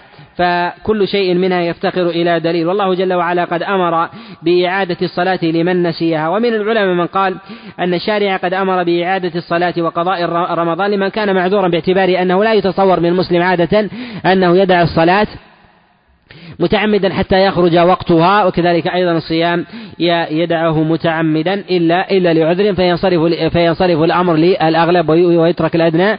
ومنهم من قال أن الأدنى من الأمور إذا تركه متعمدا يدخل من باب الأولى والذي يظهر والله أعلم أنه لا يجب عليه في ذلك القضاء وإنما يجب عليه الكفارة إذا جمع في نهار في نهار رمضان. الكفارة التي فرضها رسول الله صلى الله عليه وسلم على من جامع في نهار على في نهار رمضان متعمدا هي على الترتيب. هي أن يعتق أن يعتق رقبة. فإذا لم يجد أن يصوم ستين ستين يوما. وإذا لم يجد فإنه يطعم أن يطعم ستين مسكينا. أما بالنسبة للإطعام فإنه يطعم عن كل يوم نصف صاع. وهذا قد قال به جماعة من السلف. بل ثمة قاعدة أن ما جاء من الإطعام في كلام الله جل وعلا فالأصل في ذلك أنه فالأصل في ذلك أنه نصف صاع كما قال مجاهد كل إطعام في كلام الله فهو نصف صاع سواء كان لليمين أو كذلك كفارة الظهار أو غيرها فإنه نصف صاع على الاضطراد. ومن العلماء من قال في بعض الصور أنها على صاع على خلاف في ذلك والذي يظهر والله أعلم أنه أنه أنه يجعل عن كل عن كل يوم يصوم لم يستطع أنه يكفر ذلك بنصف صاع من طعام قوت أهل أهل البلد. و في هذا دليل أيضا على أن الإنسان إذا لم يستطع أن يؤدي الكفارة كاملة أنه لا يجب عليه أن يؤدي بعضها بل تسقط عنه بالكلية. كحال الإنسان مثلا يقول أنا لا أستطيع أن أعتق رقبة لكني أستطيع أن أدفع نصف العتق وإنما أجعل ثمة عبد مبعض مثلا أن يدفع المتبقي منه وأعتقه. هل يقال ذلك؟ لا يقال به حتى يعتقه تاما. كذلك أيضا النبي عليه الصلاة والسلام ما قال هل تستطيع أن تصوم ثلاثين يوم حينما حينما اعتذر من صيام الستين. ما قال تستطيع أن تصوم ثلاثين أربعين خمسين ونحو ذلك بل جعل كفارة متلازمة على سبيل التتابع. هل تستطيع أن تصوم ستين ستين يوما؟ فقال لا أحاله النبي عليه الصلاة والسلام إلى ما بعده. وذلك أن التتابع في ذلك ملزم وأن من صام بعضها قد أسقط شرطا في ذلك وهو وهو التتابع. وقطع ذلك الصيام لعذر ك كالسفر وكذلك المرض وكذلك أيضا الحيض والنفاس بالنسبة للمرأة. هذا من من الأعذار المسوغة. فإذا جاء ذلك في صيام الفرض وهو رمضان فهو في الكفارة من باب أولى وصيام رمضان أكد أكد من الكفارة على الإنسان. وأما إذا أفطر الإنسان متعمدا فإنه يستأنف يستأنف في ذلك العدد ستين ستين يوما. كذلك أيضا بالنسبة للإطعام كذلك في الصيام. فإنه في حال الإطعام إذا كان الإنسان مثلا لا يجد إطعام ستين مسكين ويقول أني أجد لي ثلاثين أو أربعين هل يقال اتق الله ما استطعت؟ لا يقال هذه عبادة متكاملة. كحال الفريضة كحال الفريضة. فإنه لا بد أن يؤديها كما شرع الله جل وعلا. مثال ذلك صلاة المغرب هي ثلاث ثلاث ركعات. فإذا منع الإنسان مثلا في حبس وضع فيه قيد أنه لا يقوم للصلاة إلا إلا بقدر ركعتين أو ركعة هل يقال اتق الله ما استطعت وأدي ركعة أو ركعتين؟ لا نقول صلاة المغرب هي تامة لا تقصر يجب أن تؤدى في حضر وفي سفر ثلاثا. إذا لم يستطع الإنسان أن يؤديها على التمام يقال أنها سقطت سقطت عنه. إذا لم يستطع أن يؤديها بعد خروج وقتها القريب. وأما الذي يمنع من ذلك مدة طويلة يقال أنها سقطت عنه. والله جل وعلا في ذلك غفور غفور رحيم. وفي هذا دليل على أنه لا حرج على الإنسان أن يعطيه غير أن يعطيه غيره الكفارة. فإذا وجد مثلا على الإنسان كفارة يمين ويقول عليه كفارة يمين ولا يوجد مثلا لديه مثلا قدرة على الإنفاق ونحو ذلك فيعطيه الإنسان يقال كفر عن نفسك أنه لا حرج في ذلك ويسقط في ذلك عنه. كذلك أيضا بالنسبة لكفارة الظهار كذلك أيضا كفارة المجامع في نهار رمضان على حد على حد سواء لأن الكفارة متشابهة والحكم في ذلك أيضا يضطرد في هذه في هذه الأحوال. وفي هذا يسر وفي هذا يسر الإسلام وسماحته ورأفة النبي عليه الصلاة والسلام بأمته فإن النبي عليه الصلاة والسلام وكل الأمر إلى إلى صاحبه وما قال إلا تستطيع فإنه أخذ بقوله فقال إني لا أستطيع. فإنما تكلم على مسألة آه، الصيام وأمر بصيام ستين يوما وقال لا أستطيع أكله إلى نفسه لأن الإنسان هو خصيم نفسه وسيسأل الله جل وعلا عن ذلك. وإذا كان مثلا لا يستطيع وهو مستطيع فإن فإنه يوكل إلى أمره ويبين إذا كان ثم توازع من نفسه يوكل يوكل إليه. وإذا كان رجل مثلا ضعيف الديانة يذكر بالله جل وعلا يقال الأمر يسقط عنك ولكن اتق الله جل وعلا. إن كنت تستطيع فأدي ما أوجبه الله جل وعلا ما أوجبه الله جل وعلا عليك. وما كان من إنزال من غير جماع فهل هذا يكون حكمه كحكم الجماع؟ كالذي مثلا يستمني أو يباشر الزوجة بغير جماع. يباشر زوجته بقبلة أو عناق ونحو ذلك ثم ينزل من غير إيلاج هل يجب في ذلك الكفارة؟ أم لا؟ هذا مما مما اختلف فيه العلماء. ذهب الإمام أحمد وذهب أيضا جمهور الفقهاء من المتأخرين إلى أنه إلى أن الحكم في ذلك سواء أنه أنه يفطر وكذلك أيضا يجب عليه يجب عليه في ذلك القضاء. والصواب في ذلك أنه لا يجب عليه القضاء لأننا لا نقول بالقضاء في مسألة المجامع ونجب عليه الكفارة. كذلك أيضا بالنسبة عليه في له في مثل هذا هل يقال أنه قد أفسد ذلك اليوم ولا يجب عليه القضاء باعتبار باعتبار أنه فعل فعلا عظيما أفطر فيه متعمدا أم أنه لم يفطر أصلا يتم يتم صيامه وهذا ليس من المفطرات. من العلماء من قال أن أنه في ذلك كحال الذي ترك الصلاة متعمدا لا يجب عليه القضاء وعدم إيجابنا عليه أو عدم إيجابنا عليه القضاء ليس أنه لم لم يفطر في هذا اليوم وإنما لأن فعله مغلظ. وفعلهم في ذلك لا يكفر القضاء. ومنهم من قال أنه لم يفطر في ذلك ويجب عليه أن يتم أن يتم في ذلك. الصوم. وعلى كل يقال أنه لا يجب عليه أن يقضي ذلك اليوم وعليه أن يستغفر لله جل وعلا ويتوب.